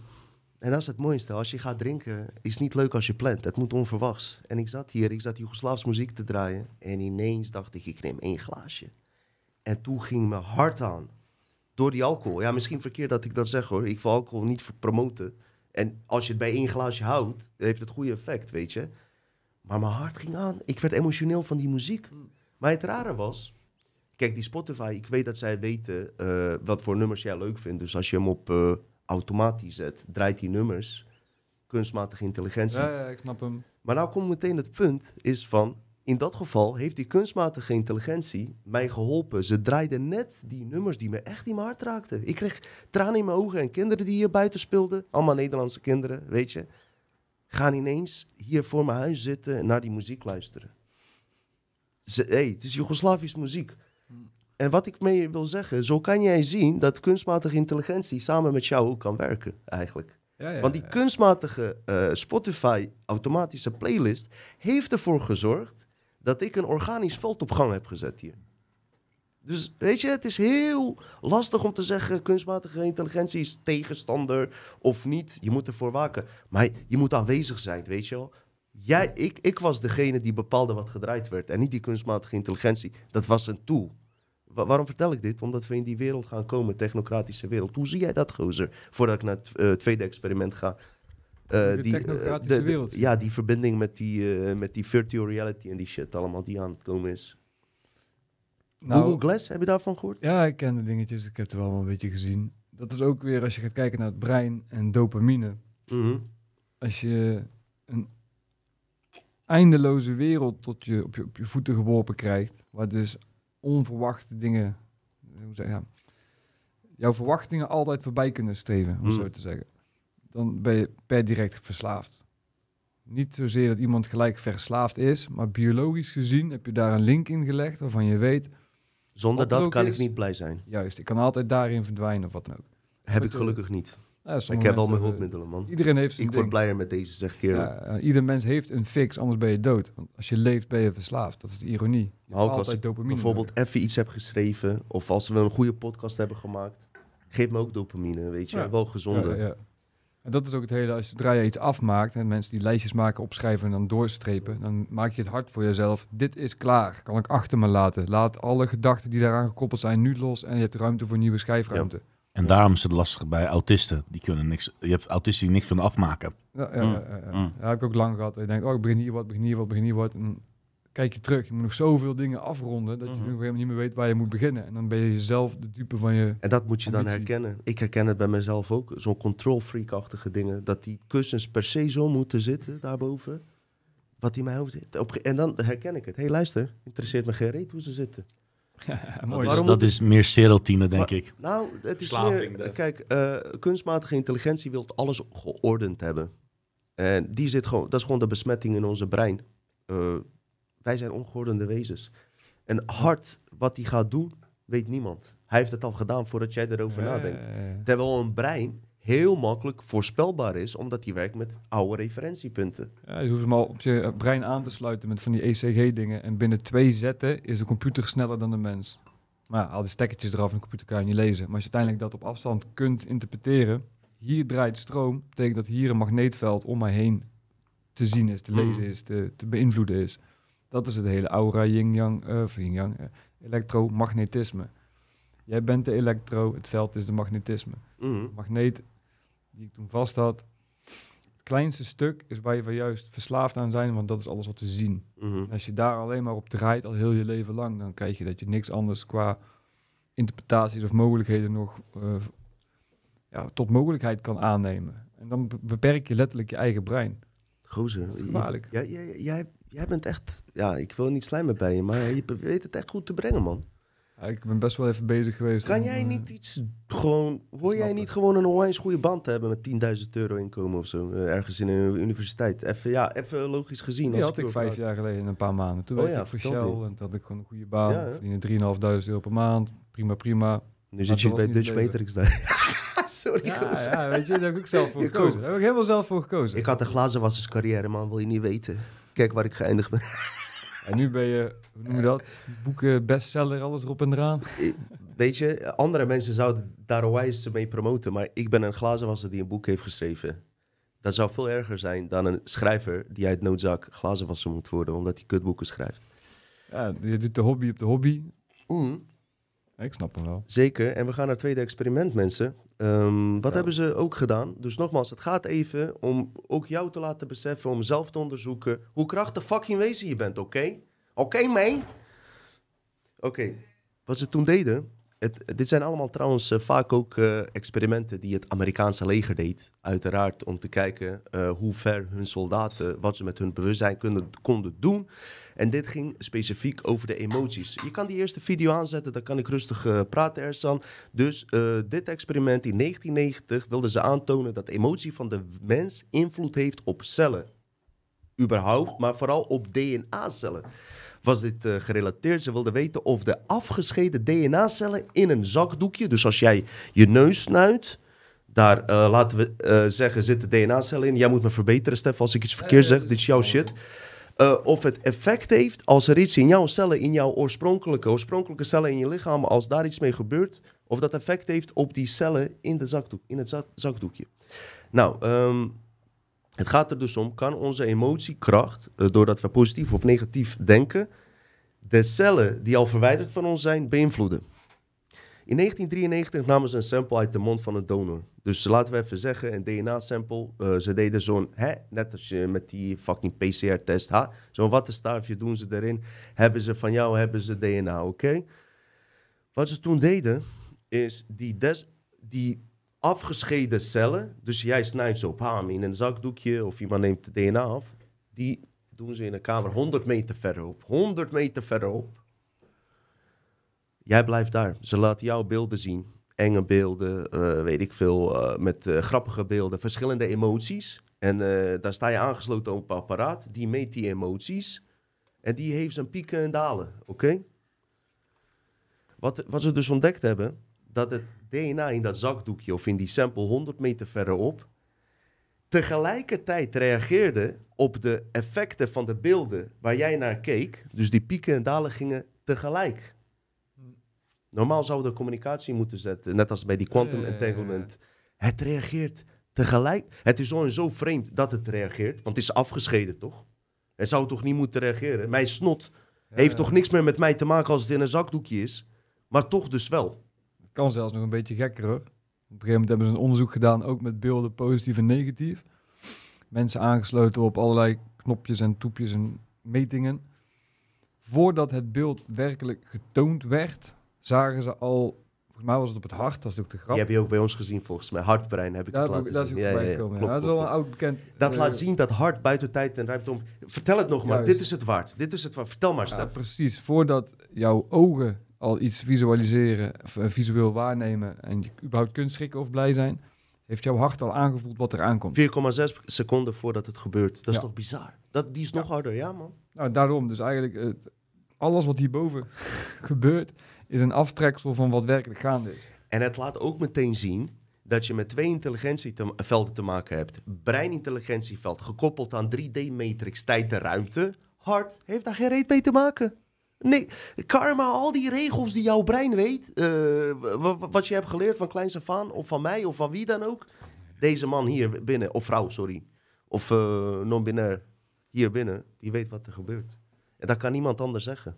En dan heb je ook nog je gut feeling. En dan krijg je weer de heilige trifecta. Je brein hier, je brein in je hart en je brein in je buik. En die combinatie is wel essentieel van belang. Want je kan wel de hele tijd in je hart zitten. Ik ken genoeg mensen zitten de hele tijd in hun hart. Ze produceren geen reet in deze matrix. Je hebt niks aan ze. Sorry.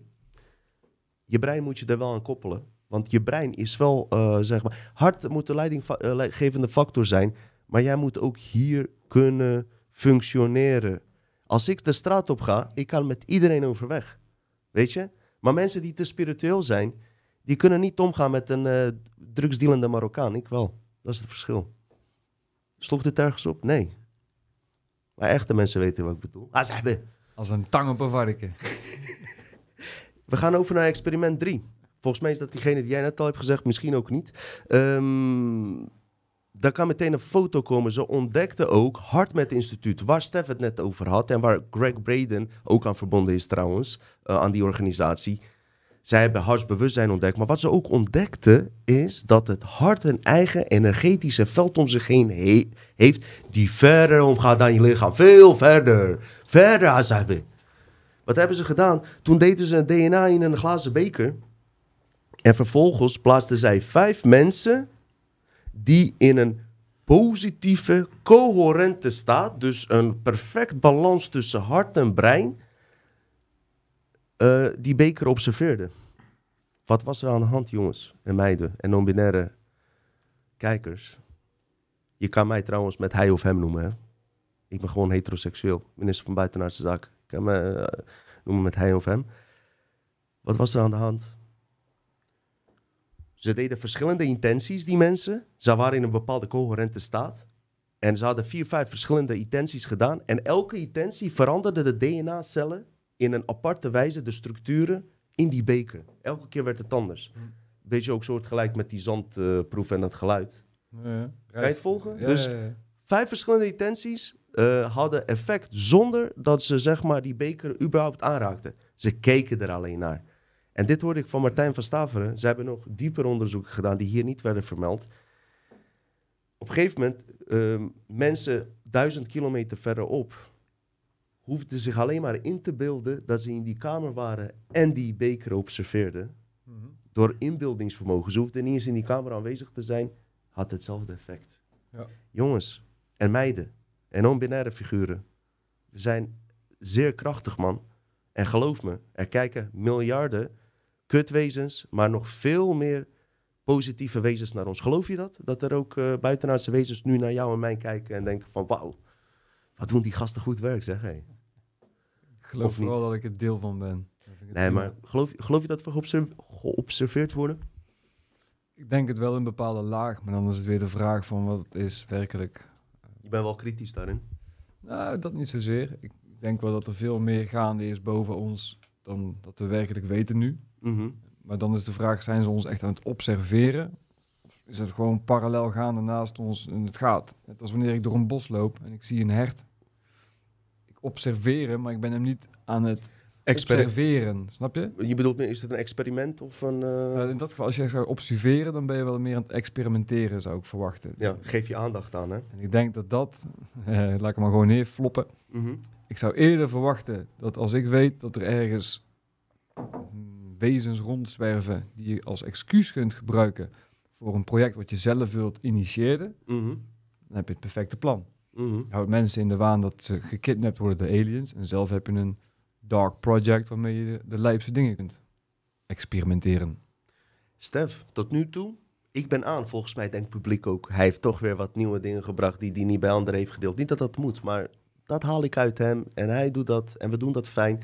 Ik stel voor dat ik eh, weer een experiment doe met reclame. In de hoop dat ik je fucking onderbewustzijn pak. en dat je toch een kut t-shirt koopt. Die eigenlijk helemaal niet mooi is en helemaal niet staat. Nee, joh, grapje. Luister, Ersan gaat hier eh, straks eh, komen. Eh, kunnen zij naast elkaar zitten. We kunnen eindigen met Q&A wanneer ik aanschuif met Stef. Misschien is het handig als ik dan naast Stef zit, dat ik wat aan toe kan voegen. En ik heb iets eigenlijk wat nog drie, vier maanden in mijn hoofd zit. Elke keer vergeet ik het. Ik weet niet of jullie als publiek dit een goed idee vinden. Ik had het idee, omdat er heel veel artiesten zijn die... eh, we hebben Jorg op, zo- die heeft die Jorg op eh, zoek. eh, die heeft eh, op Spotify heeft hij die rode pillenlijst. Weet je, met allemaal complotnummers. Of het hoeft niet complot, kan ook spiritueel zijn, kan ook een reggae nummer zijn. Liefst rapnummer, ik hou daarvan, maar het kan ook iets anders zijn. Maar ik prefereer op rapnummers. Ehm, als je een goede rocknummer hebt, maakt ook niet uit. Die beetje aanslaan op deze onderwerpen, deze tijden waar we in leven. Maar eh, ook positieve dingen, donkere dingen. Wil je over reptilians rappen? Ben je verkracht door reptilian? Wil je erover rappen? Kan je allemaal vertellen. Ehm, stuur het naar ons toe. Eh, Dutch Matrix, eh, Telegram groep, Instagram, Facebook. We horen het, we luisteren het. Als het goed is, dacht ik, dit is een idee, rustig. Waar zit je nou af te zeiken, Je man? hoeft eh, mij geen beelden van verkrachting op te sturen naar mij. Dat hoeft echt niet. Nee. Nee, Oh, hier is joh, de ik maak reptilian even is. een uh, dinges, joh. Misschien, als je erover rapt, weet je, komt er vanzelf wel een beeld in je op. Ik zeg maar wat. Ehm, ik wil gewoon kans geven aan mensen die in onze, op ons level zitten, artiesten, om, om zich te profileren, weet je wel. Zonder dat, dat ik er uiteraard wat voor vraag. Mijn idee was, als iemand dat heeft en hij wil zijn nummer alleen rappen of zingen, ook goed en wegwezen, niet praten, prima. Wil hij er ook wat eh, over kwijt, hoe die aan dat nummer is gekomen. Dit is gewoon een experiment. Wat vind je van het idee? Zeg even eerlijk. Is het wat? Het hele verhaal met geluid en water, dan is muziek zeker wel een van mijn favoriete dingen. Geluidstrilling. En dan krijg je de intent. En je begint nu over hip-hop. En zullen we alle drie wel ergens erkennen dat hip-hop vroeger een stuk beter was dan tegenwoordig. Omdat de intent goed was. En Ja. het was niet. eh, Dat vinden wij. Organischer, Uiteraard geen synthetische eh refreinen. Maar dat heb ik. Ik ben vooral van de rock en de punkrock. Maar dan wel. en het rebelse stuk. Red ik Hot heerlijk. Chili Peppers, is Ja, dat Die jouw hebben in ding? ieder geval één goed nummer. En dat heet Throw Away Your Television. Dat is Hm. zeker een advies. Daarom, als je een goede rocknummer hebt, ook goed. Ik heb verstand van hip-hop, vandaar dat ik daar meer op prefereer. Maar ik hou de andere ook open, sorry. Nou, het was ik met mijn broer. Ik heb drie buurjongens. Een eh, daarvan die was vooral. Oké, opnieuw. Ik heb drie broers, drie buurjongens. Mhm. Eentje daarvan was helemaal van de hip-hop. En ik was vooral van de rock. En samen zijn we een beetje 50-50 geworden. Dus Zo JC met. Linkin Park. Dat was voor ons wel. Ik heb hem ook thuis liggen, dat album origineel. Een hele goeie. Het was toch een onwijs mooi nummer. Terwijl ik niet eens fan van Linkin Park en zowel niet van JC was. Ja. Toch vond ik dat nummer mooi, samen ja, ja. onwijs mooi. Liep heel vlot. Lieve mensen, eh, we doen gewoon eventjes eh, onze reclame weer. Als Ersan dat beeld heeft, kan die me... En eh, in de toekomst zal dit automatischer gaan, weet je. Ik heb allemaal mensen van die bij John de Mol hebben gewerkt, weet je. En die hebben nu geen baan meer. En die willen nu achter de grond hier werken. Dus komt helemaal goed. Jullie zien me straks terug aan zijn. Steffi, Steffi, Steffi, man. Het lijkt net of gisteren of je er was hier. Dat is bijna een jaar geleden. Bijna een jaar geleden. Wil jij trouwens ook een pauze houden? Of eh, Een klein plasje zou zo wel fijn zijn. Maar... zometeen wacht eventjes tot Dino terugkomt. hey mensen, ik ben er ook. Samen met Stef. Gezellig. Eh, Dino loopt nog gewoon eh, dwars doorheen te praten en zo. Even kijken of je nog Laatste horen. instructie. Voor, volgens mij hoor je goed. Ik weet niet wat Dino heeft gedronken, maar die Chivas fles is ongeveer een kwart leeg. Dus hij stelt zich wel een beetje aan, die gozer.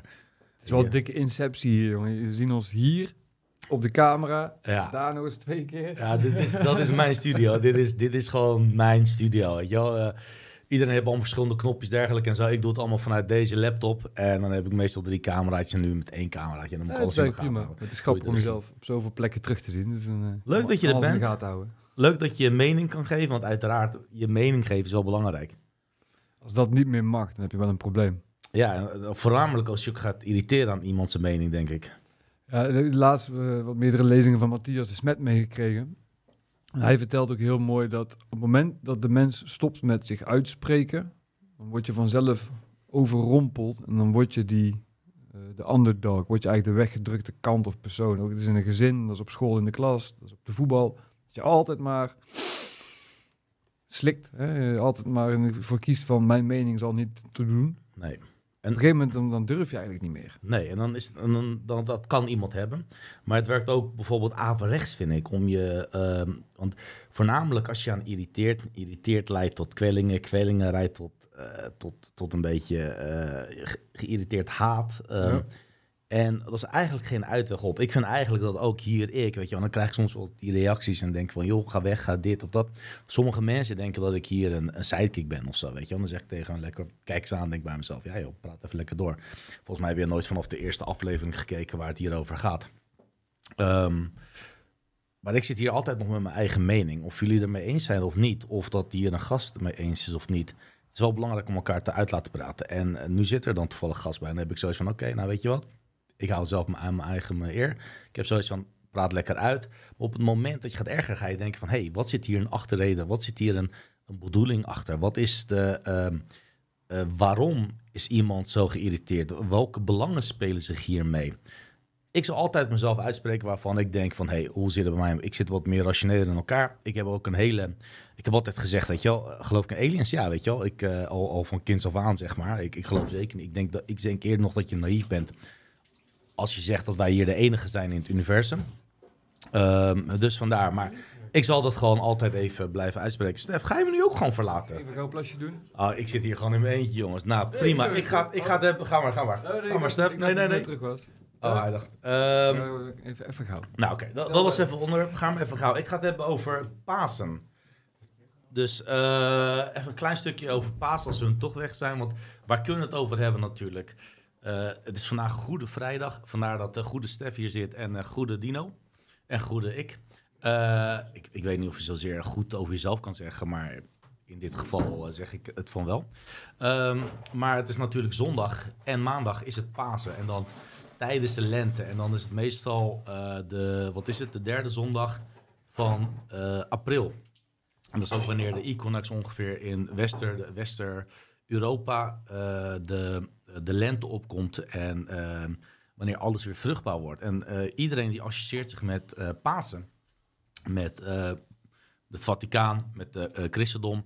Het is ook vanuit, ik, ik heb mezelf heel slecht hier voorbereid. Eh, Pasen wordt ook gevierd door miljoenen mensen over de hele wereld voor de opstand van Jezus natuurlijk. Dat is, dat is hoe het staat beschreven in het Nieuw Testament.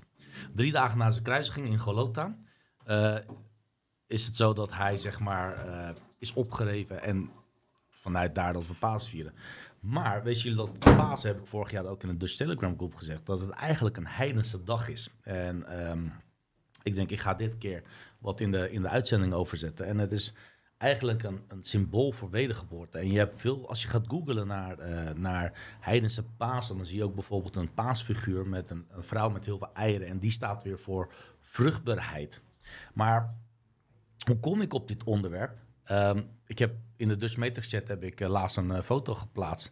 eh, toen ik in Rome was. Ik was vorige weekend in Rome. Ik heb geweldig genoten in Rome. Ik vind het een hele mooie stad, een hele antieke stad. Ehm, en het wordt heel voornamelijk geassocieerd met de Vaticaan. En de Vaticaan heeft daar eigenlijk alles overgenomen. Want in het verleden werden daar christenen werden gewoon daar vervolgd. En christenen werden echt opgehangen en neergezet. Want christen was gewoon een, een heidse geloof. Je mocht er niet in geloven. Maar wat voor mij, mij eh, op, eh, opviel in Rome was al die obelixen.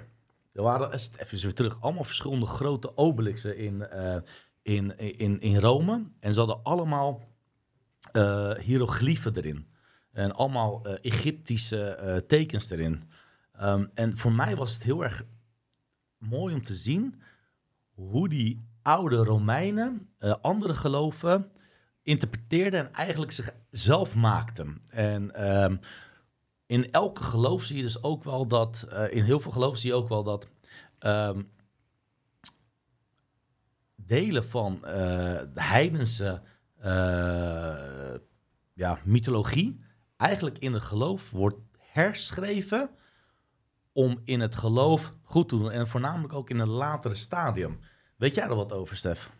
Over, over, over de oude oh, sorry, over de oude Egyptenaren en uh, het, het Vaticaan, het christendom nu zelf. Ja, ja, er zijn wel wat leuke riedeltjes om even af te spelen. Eentje die uh, is, is, lang en breed behandeld in de poppenkast met Peter. Het oude woord vanuit Egyptische tijd voor het onbekende en de bekende wereld, dus een beetje alles, was Neger. Netjer. Dat is uiteindelijk via andere talen nature geworden. Dan zie je dat de King James Bijbel, um, die heeft Netjer veranderd naar God, min of meer. Dus is voor mensen een God gecreëerd. Maar daarvoor was natuur dat wat we nu God noemen. Natuur was de creator. Die obelisken zijn volgens mij een aantal ook giften geweest vanuit, ik dacht Cleopatra. Er staat er eentje in Londen, in Rome en in New York. Nee, bij Washington DC volgens mij. Zijn meerdere over de wereld gegaan. Dat zijn ook bepaalde energieantennes, of hoe je het noemen wil. Het is een materiaal, vaak graniet. Graniet is weer magnetisch, kan weer condenseren, want het is een kristal. En da, da, da. Beeldje, hè, zullen mensen vast wat op school hebben gedaan. Als je een magneet hebt en iets wat erop reageert, of een ander magneetje. Aan de onderkant van je bureau hou je de ene. Het andere deel leg je aan de bovenkant. En dan kun je het zonder aan te raken verplaatsen over de tafel. Het is een beetje hetzelfde verhaal als wat Dino net aan het vertellen was met die experimenten. Over afstand kunnen wij als magneet andere dingen ook beïnvloeden. Als het veld maar interactie kan hebben. En dan is jouw veld weer afhankelijk van hoe hard jouw stroom aanstaat. Want stroom bepaalt het magneetveld. Dat is een natuurkunde dingetje. Terugkomend op uh, precies uh, die symbolen en uh, al die hieroglyphen nog leuker is als je beseft dat de farao op een gegeven moment omgevormd is naar de paus. De farao die hadden vaak verlengde schedels. Kom je al heel snel bij de Anunnaki-verhalen. De mijter van de paus is weer een symbool voor wij horen van die bloedlijnen, of horen bij dat clubje. Dus eigenlijk zijn alle oude Egyptische invloeden om het volk te uh, beheersen, maar ook de Bijbel over schrijft en alle andere boeken, die zijn vandaag nog steeds van toepassing via het Romeinse Rijk. En dan krijg je dat Latijn de nieuwe magic spel is geworden. Ja, dat klopt. En ik heb, ik heb zelf ook een tour. Ik ben al zes, zeven keer in, uh, in Rome, zes keer in Rome geweest. Uh, dit was de eerste keer dat ik in het weekend was. Normaal moest ik altijd voor werk door de week, dus dan moest ik altijd een tour doen. Ik vond het wel echt uh, mythisch. En ook toen ik echt in de, in de Colosseum was, ik voelde wel echt die, die kracht en die spanningen. Um, maar ook dat ik zag hoeveel invloed er niet van de Vaticaan uh, uit werd gevoerd om uh, zoveel macht en kracht naar hun toe te trekken. Bijvoorbeeld de Forum Romano, uh, tegenover de Forum Romano, waar echt alles, alle politiek en, en, en de Senaat zat en alles werd gedreven en alle bestuur werd gedreven. Daar zit de gemeentehuis van, van Rome. En die keek naar het kant van het oude Rome. Maar de voordeur is veranderd. De voordeur is naar de andere kant gegaan. En waarom? Puur omdat de Vaticaan die richting op zit. De Vaticaan wilde absoluut niet dat Rome zich terugkeerde naar het Vaticaan. En um, nog steeds eigenlijk tot laat in de, in de middeleeuwen, tot nu toe, zoveel machten en krachten dat die Vaticaan heeft. Um, en ook met alle mythes, want hun hebben de meeste Egyptische uh, archeologische vondingen. En ook in de, in, de, in, de, in de geheime kelders en in de museums van de Vaticaan. En 30 kilometer aan ruimte met boeken en documenten, ja. begreep ik wel eens. Of 15, ja. 20 mijl, zoiets. Veel. Ja, ja, en hoeveel ideologie ook niet is opgenomen door hem. Ook bijvoorbeeld net wat je net zei, dit, uh, de, de mijter en, en, en de staf. En als je kijkt naar hoe de piramides toen zijn ingedeeld en ook naar, direct naar bepaalde sterrenbeelden en dat voor vruchtbaarheid stond, zijn die obelixen ook daar in Rome precies op die manier neergezet. Maar dan net met een ander tintje. En hoeveel ideologie niet erin is geprent in uh, de, de, de Nieuw Testament. Dat later is toegevoegd. En ehm, een van die eh, eh, dingen wat later is toege- eh, toegevoegd is dus eh, Pasen. Want jij kent Pasen als alleen het christelijke, het wederopstand van Christus, denk ik. Ishtar. Ishtar. Ja, klopt. Eh, Kun, jij er wat iets, iets meer over vertellen over, over het heidense Pasen? Ik weet niet of het zeker dan de Eastern Star is, dus een ster in het oosten die ergens aan gekoppeld is. Ik meen van wel. En dat is ook weer natuurlijk, iedere ster was vroeger gekoppeld aan bepaalde goden. En dan zie je dat de goot Ishtar, offering voor, meestal is het een offering in ieder geval, dat is met al die oude feesten. Ja. Het offeren van een kind aan een vlees, dieren, producten. Want als jij iets offert, krijg je, het is geven en nemen in deze wereld. Maar als jij dingen geeft, is de verwachting dat je weer krijgt. Ja, en, en dat, het- we gaan nog een keer een aflevering over de Vaticaan maken, hoor, want ik, eh, ehm, ik heb nog heel veel gesprekstof over de Vaticaan. En eh, dat, dat hebben we altijd al gezegd dat we dat gingen doen. We hebben echt nog veel actiepunten dat we gaan doen, dus dat is onder andere. Maar het, het offergeven nu met, met, met Pasen, dat is ook omdat de lente komt. En met de lente komt de vruchtbaarheid. Dus je wilt je oost, wil je zeker zijn. Dus die boeren van vroeger, die eh peasant noemen ze het. Dus echt, eh, dus, dus iedereen die maar een goed agricultuur wilt hebben of extra lammetjes, die gaf dus ook echt offers uit om voor te zorgen dat ze een, goede oogst kregen. En het manie, ik zal morgen of de eerste paasdag zal ik even nog een stukje eh, erin zetten in de Dutch Telegram groep met wat foto's. Eh, en eh, kijk daar vooral naar uit. Dus het tweede stuk ga ik op, eh, op Telegram doen, denk ik. Oké. Dus dat is wel leuk. En dat, is, eh, dat was eh even mijn eh, stukje over, eh, over Pasen. En ik denk dat jullie zelf ook wel ehm, heel veel... Het is nadat Dino even net wegging en zo, dus dat ik er in één keer, eh, in één keer erbij moest. Ehm, ja, Stef, leuk. Je hebt een leuk, leuk boek bij je. Waar, waar- Nee, dit is Dino's boek. Oh, dat is Dino's boek. mee. Hij is ongeveer hier, zo maar Oh, Oké, hij is ongeveer daar. Nee, normaal Maar ik ken Greg Braden wel vanuit de YouTube-wereld, waar ik dan jaren geleden al mee bezig was. Wat ik zei, met Bruce Lipton, met Joe Dispenza. Als je die drie mensen een beetje afgaat, dan krijg je een totaalbeeld van het fysieke, het metafysische en hele goede gezondheid. Zij begrijpen dat, het- ik las net al wat dingetjes, in het moment kunnen zijn is belangrijk. Want als jij gaat projecteren naar toen of straks, dan ben je dopamine aan het investeren in niet nu. Dus je, bent je, je, je denkt aan het leegrijden terwijl je stationair staat. Je bent je benzine aan het verbratsen voor niks. Hij zit gewoon stationair. Ja. Dan verbrand je ook. Ja, dat is ook als, als, als, als, als Alzheimer. Als je maar lang genoeg gaat denken, als dit misschien, oeh, je moet ademen. Hoe meer dat je denkt, hoe meer dat je moet afvakkelen. En als je die twee dingen niet goed synchroon houdt, dan ga je dus uit elkaar. Dat is, dat is ook dat stukje angst. En ik wil nog een keer die programma ook voor angst. Dat is. ehm, angst doet wat met je. En zolang jij iedere keer gefocust blijft op iets, dan wordt dat ook echt vaak wel werkelijkheid. Ja. Dus als jij de hele tijd zegt: Oh, ik ben iets vergeten, ik heb Alzheimer. Oh, ik ben iets vergeten, ik heb Alzheimer. Uiteindelijk wordt dat. In het Turks heb je gezegd, dan zeg je, als je tegen iemand zegt 40 keer je bent gek en die jongen die accepteert het 40 keer, dan is hij de 40 keer ook gek ook. En ehm, dat is dat stukje dat als. Ja, ik, ik weet niet of je het leuk eh, gezegd of denk je. Nee. Ja, dat is de kracht van herhaling. En het hoeft soms Ja. nergens met de realiteit te maken te hebben. Maar zodra mensen het of vanuit genoeg hoeken horen, dan krijg je die peer pressure kant van, oh, iedereen heeft het over dat is dat, dus ik zal maar conform doen, anders dan word ik straks een beetje gek gemaakt. Of gek Ja, precies. Precies. willen mensen niet. Hoe- weer de ego krenken. En dat, Als- eh, ja. willen we ook niet hebben. Dus Hey. er wordt zo goed op het moreel en de emotie van de mens ingespeeld. Dat, ja, het is of jezelf door dat pijnlijke moment heen durven laten gaan en daarna ben je bevrijd. Of maar net zo lang meespelen in de hoop dat je dat echte fijne, ja, ik voel me goed moment gaat meemaken. Maar eigenlijk kom je dat nooit tegen als je voor andere mensen leeft. Word je geleefd of leef je je leven? Dat is de vraag. Precies, en dat is een eh, heel belangrijk onderwerp. En ik denk dat tot 90% hier op de aarde voor andere mensen leven hier. En eh, het komt ook terug in die boek van eh, George Orwell, hoe hij eh 1982 zag.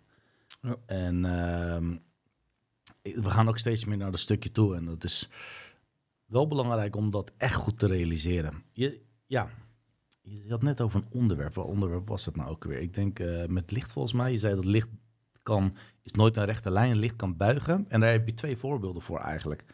Eén, licht is bewezen dat het kan buigen met zwaartekracht. Dus ook met een, een zwart gat. Dus dan heb je een zwart gat, daar kan je dus geen licht doorheen sturen. En eh, twee is mooi, is als het eh, in een zwembad, dus als jij een glazen zwembad hebt of een aquarium en je staat erin, dan lijkt net of je bovenkant van je lichaam een stukje afhangt van je rest van je lichaam.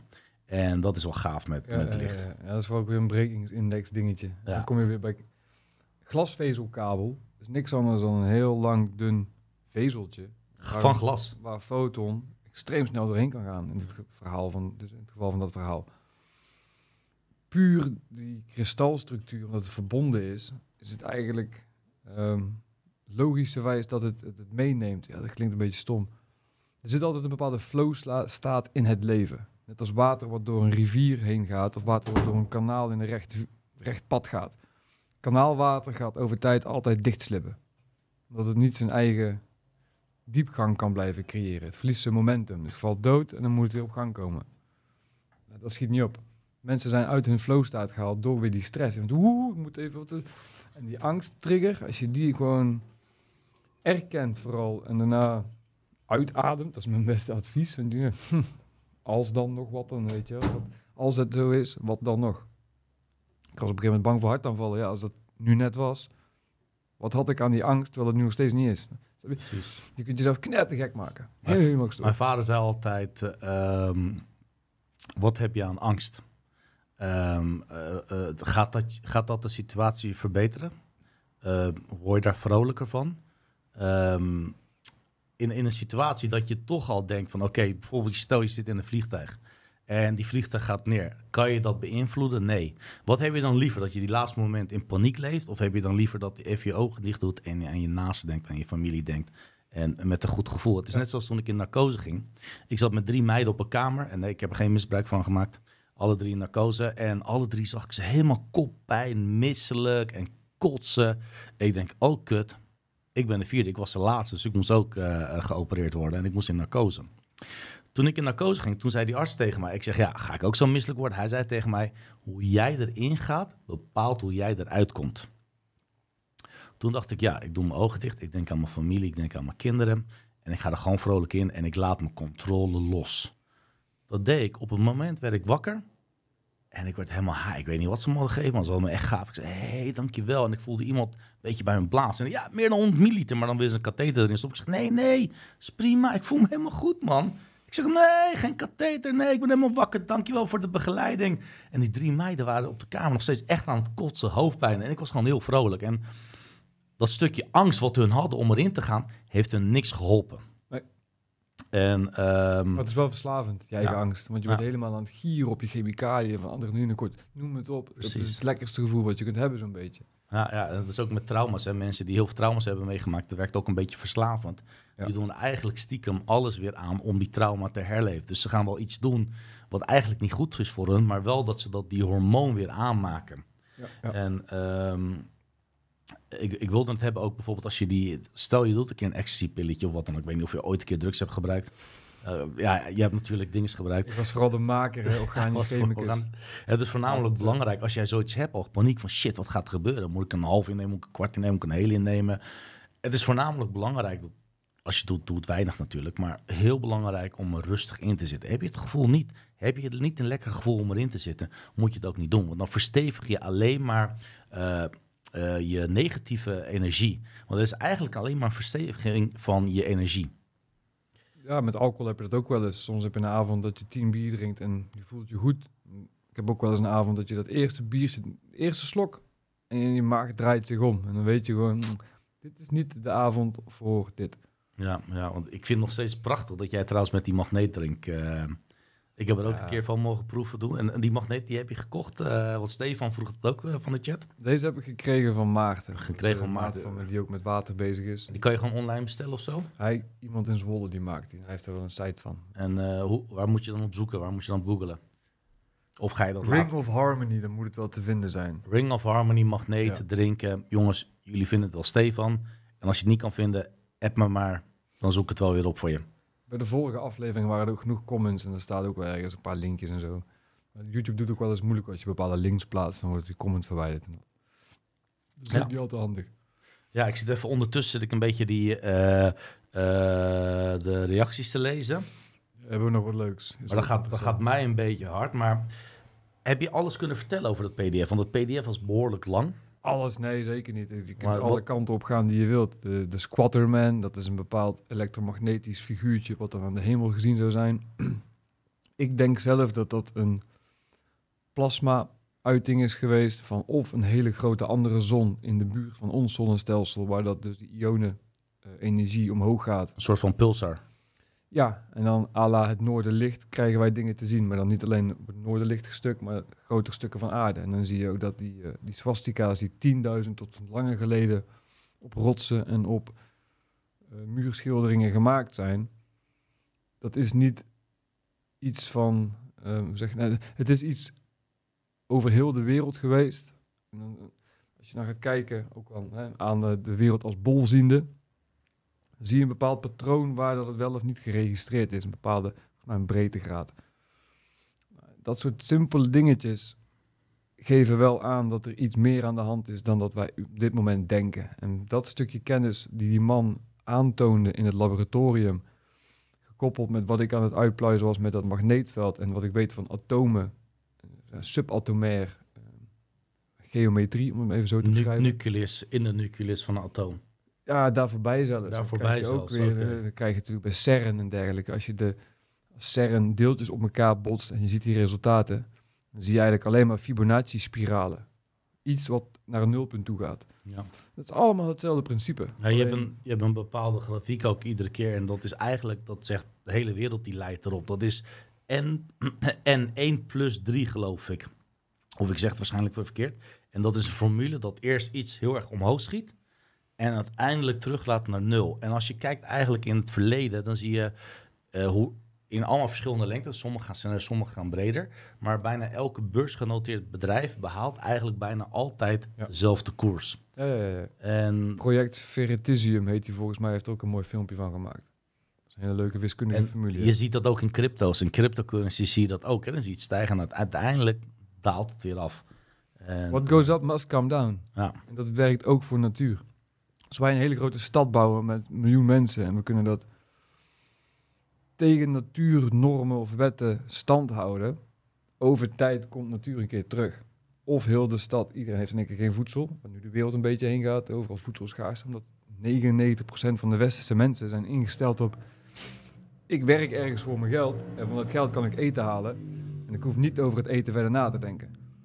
Nu komen steeds meer mensen tot het besef van, oh ja, shit, ik moet misschien toch wel iets aan mijn moestuin doen of ergens een boer helpen, want voedsel is belangrijk. Nou, we zijn zo lang die boot aan het afhouden geweest, Ja. dat nu dus de man met de hamer komt. En iemand die geen groene vingers heeft, die denkt, dan ben je eigenlijk af als je geen eigen voedsel kunt verbouwen, als het wegvalt natuurlijk. Hè. Dat is even een extreem eh, Ja, of, of, hypothetisch voorbeeld. ja, of het is zo verontreinigd dat je het alsnog niet kan verbouwen. Weet je, die, die kansen heb je ook allemaal. En eh, ik zeg nou niet dat iedereen hoorder moet gaan worden, maar het is wel verstandig om in ieder geval een week eten in je kast te hebben of zo, eh, lijkt me. Eh, Ik ben, ik ben trouwens thuis geweest bij Stef. Wat was dat een... eh, waar woon je mooi? Wat woon je echt... Dankjewel. Wat woon je ook echt gewoon wel afgelegen. Maar je woont wel binnen een grote, in het bereik van een grote stad. Maar dan, ik denk dat jij geen last hebt van autoverkeer, van eh, vieze lucht. eh. ik hoop niet dat die boeren bij je omheen heel veel eh gif dumpen in het land. Sommigen meer dan anderen helaas. Het is vooral als ze met poep sproeien op, op zijn tijd. Het enige wat ik wel eens ruik als de windverkeer staat is Moerdijk. Met Shell, Ja, gigantische ja, raffinaderij. ja, en dan ruik je in één keer ook allemaal, hm, niet gezond. Dan ruik je die splitters en zo, en die banks, die, die olie...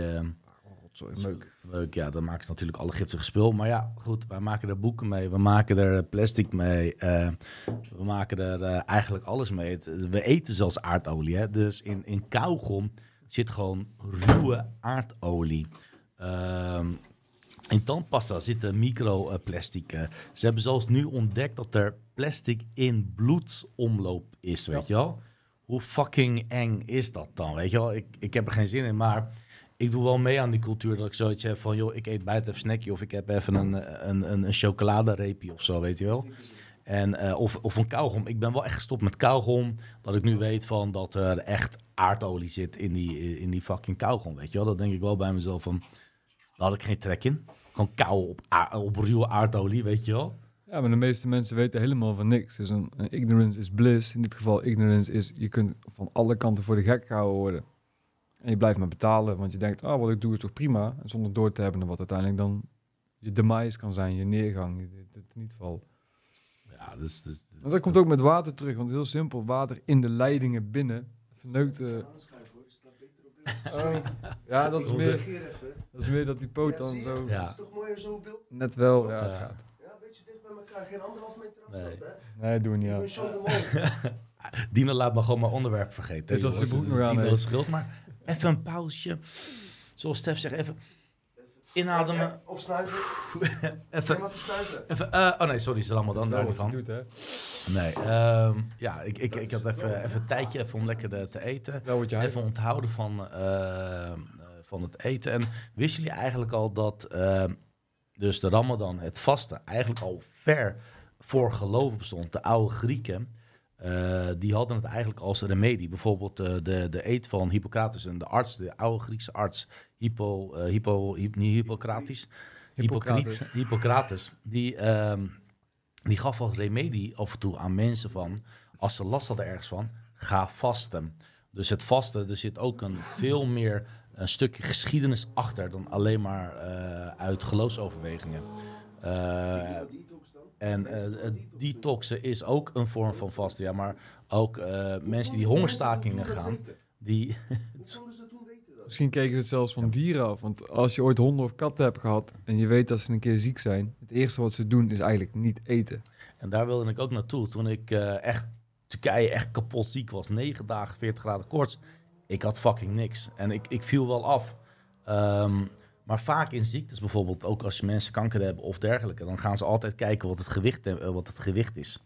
Want op het moment dat je steeds meer afneemt, dan, dan vreet die, die kanker je eigenlijk meer op. Dus het is heel belangrijk in dat geval dat je wel heel veel gaat eten en heel veel gaat aankomen. Dus het is niet altijd een, een, een goed idee om, eh, om af te vallen en te onthouden. Het ligt er maar net aan dat en de situatie. Ja, daar ben ik even niet helemaal op voorbereid. Alleen dit stukje. Ehm, en daar knap dat ze dat al wisten. ja, ja, maar ze wisten al bijvoorbeeld heel veel dingen. Dus ze speelden ook bijvoorbeeld ook in de, eh, de oude... eh, bijvoorbeeld in, in Afrika is er ook een, een, een, een stam... die altijd een stukje van de schors eh, in de eten doet. En die schors die smaakt eigenlijk niks naar. Wat hebben wetenschappers hebben die schors on- ontdekt en eh, onderzocht. En wat, wat bleek nou? Dat er in die schors een eh, anti... eh, ontstekings, een ontstekingsremmer in zat en antibiotica, natuurlijk antibiotica. Waardoor die mensen altijd eigenlijk heel erg gezond bleven. En, want hun hadden heel vaak wel een open wond of dergelijke. En ze hadden natuurlijk niks om mensen mee te, te verzorgen. Dus in de natuur, soms weten ze wel waar ze mee bezig zijn. En soms hebben ze gewoon iets aangeleerd van het verleden. Van, oh ja, dit moeten we altijd doen. Bijvoorbeeld in de dierenwereld kijken de kuikentjes ook altijd naar hun moeder. Van wat eet die en wat eet die niet. En dat onthouden ze helemaal perfect. Nou, ze weten precies wat ze wel kunnen doen en niet kunnen doen.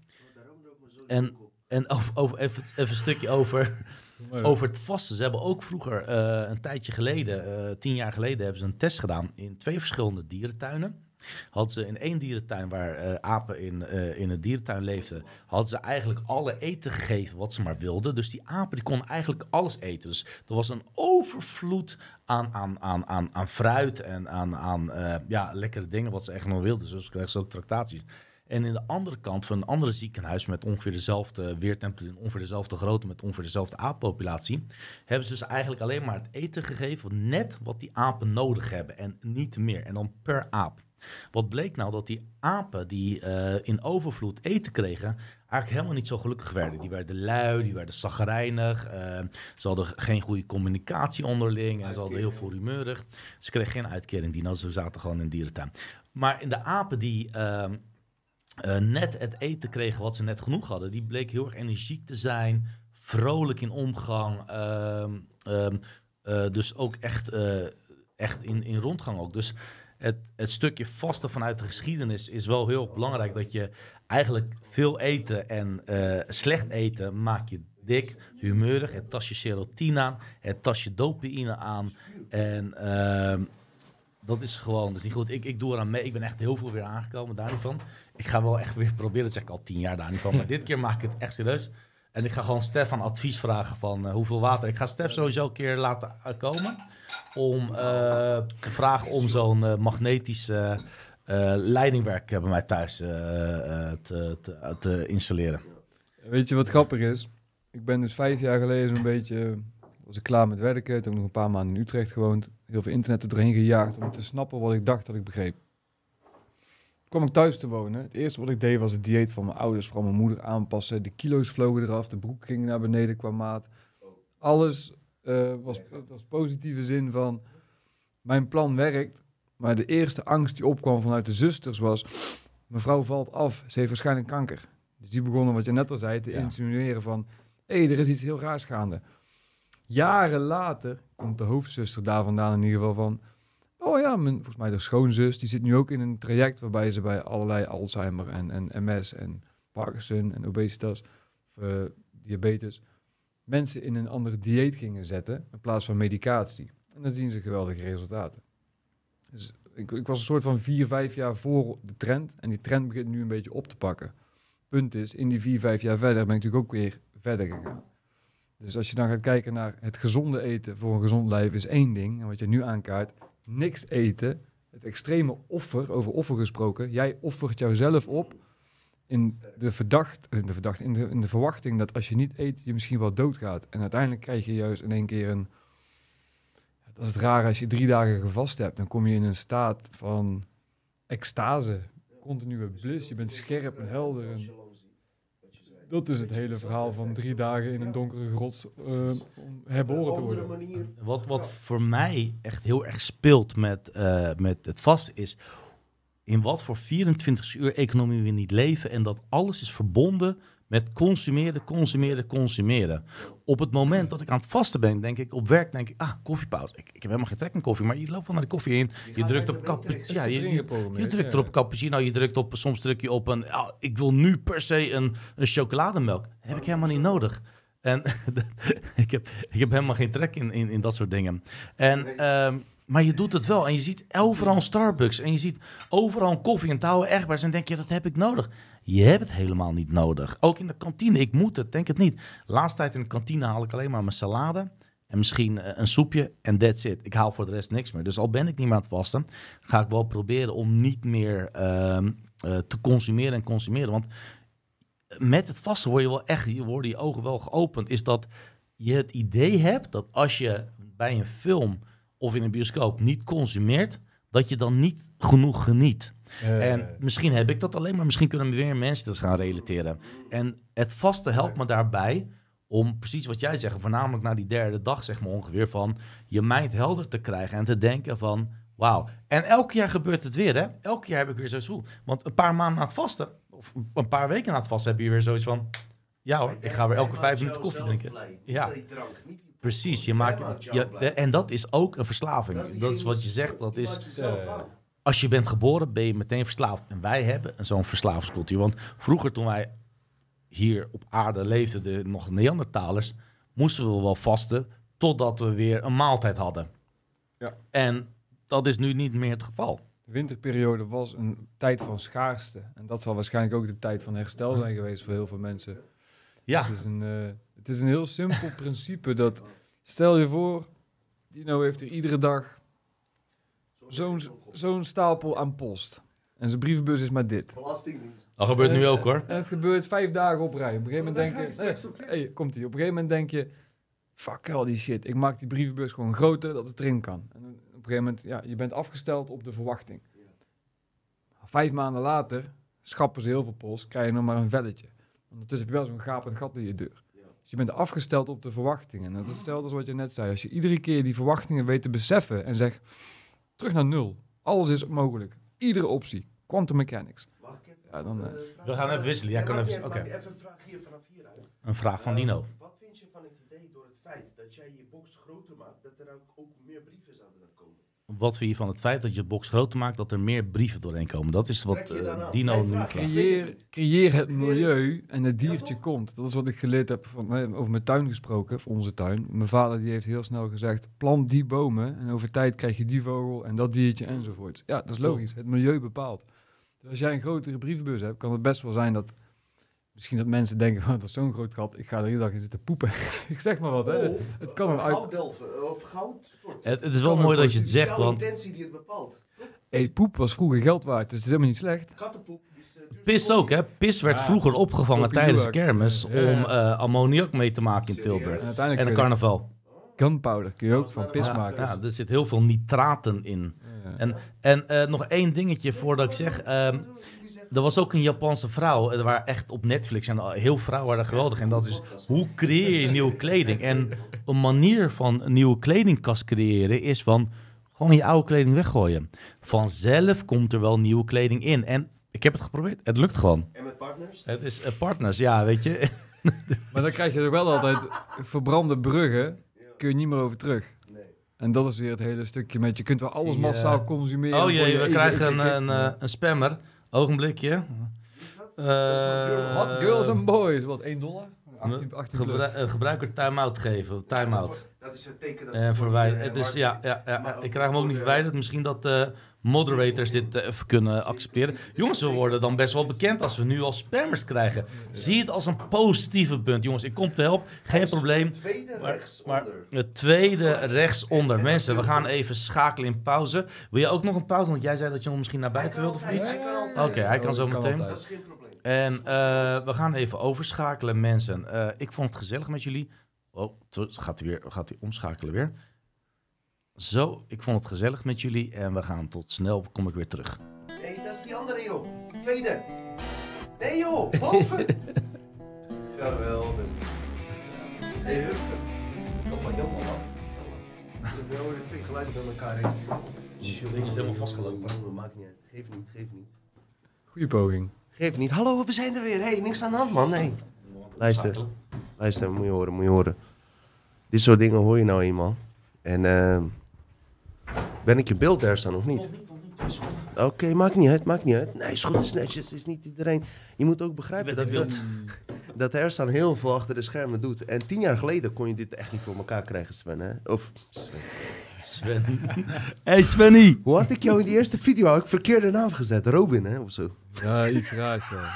Maar dat, dat is grappig, ik, ik vroeg me toen ook al wel eens af, hoe zou dat zijn gekomen? En toen Dani de eerste keer, dus een keer hier was geweest, toen zag ik het daarna, maar een paar dagen later kwam ik haar tegen.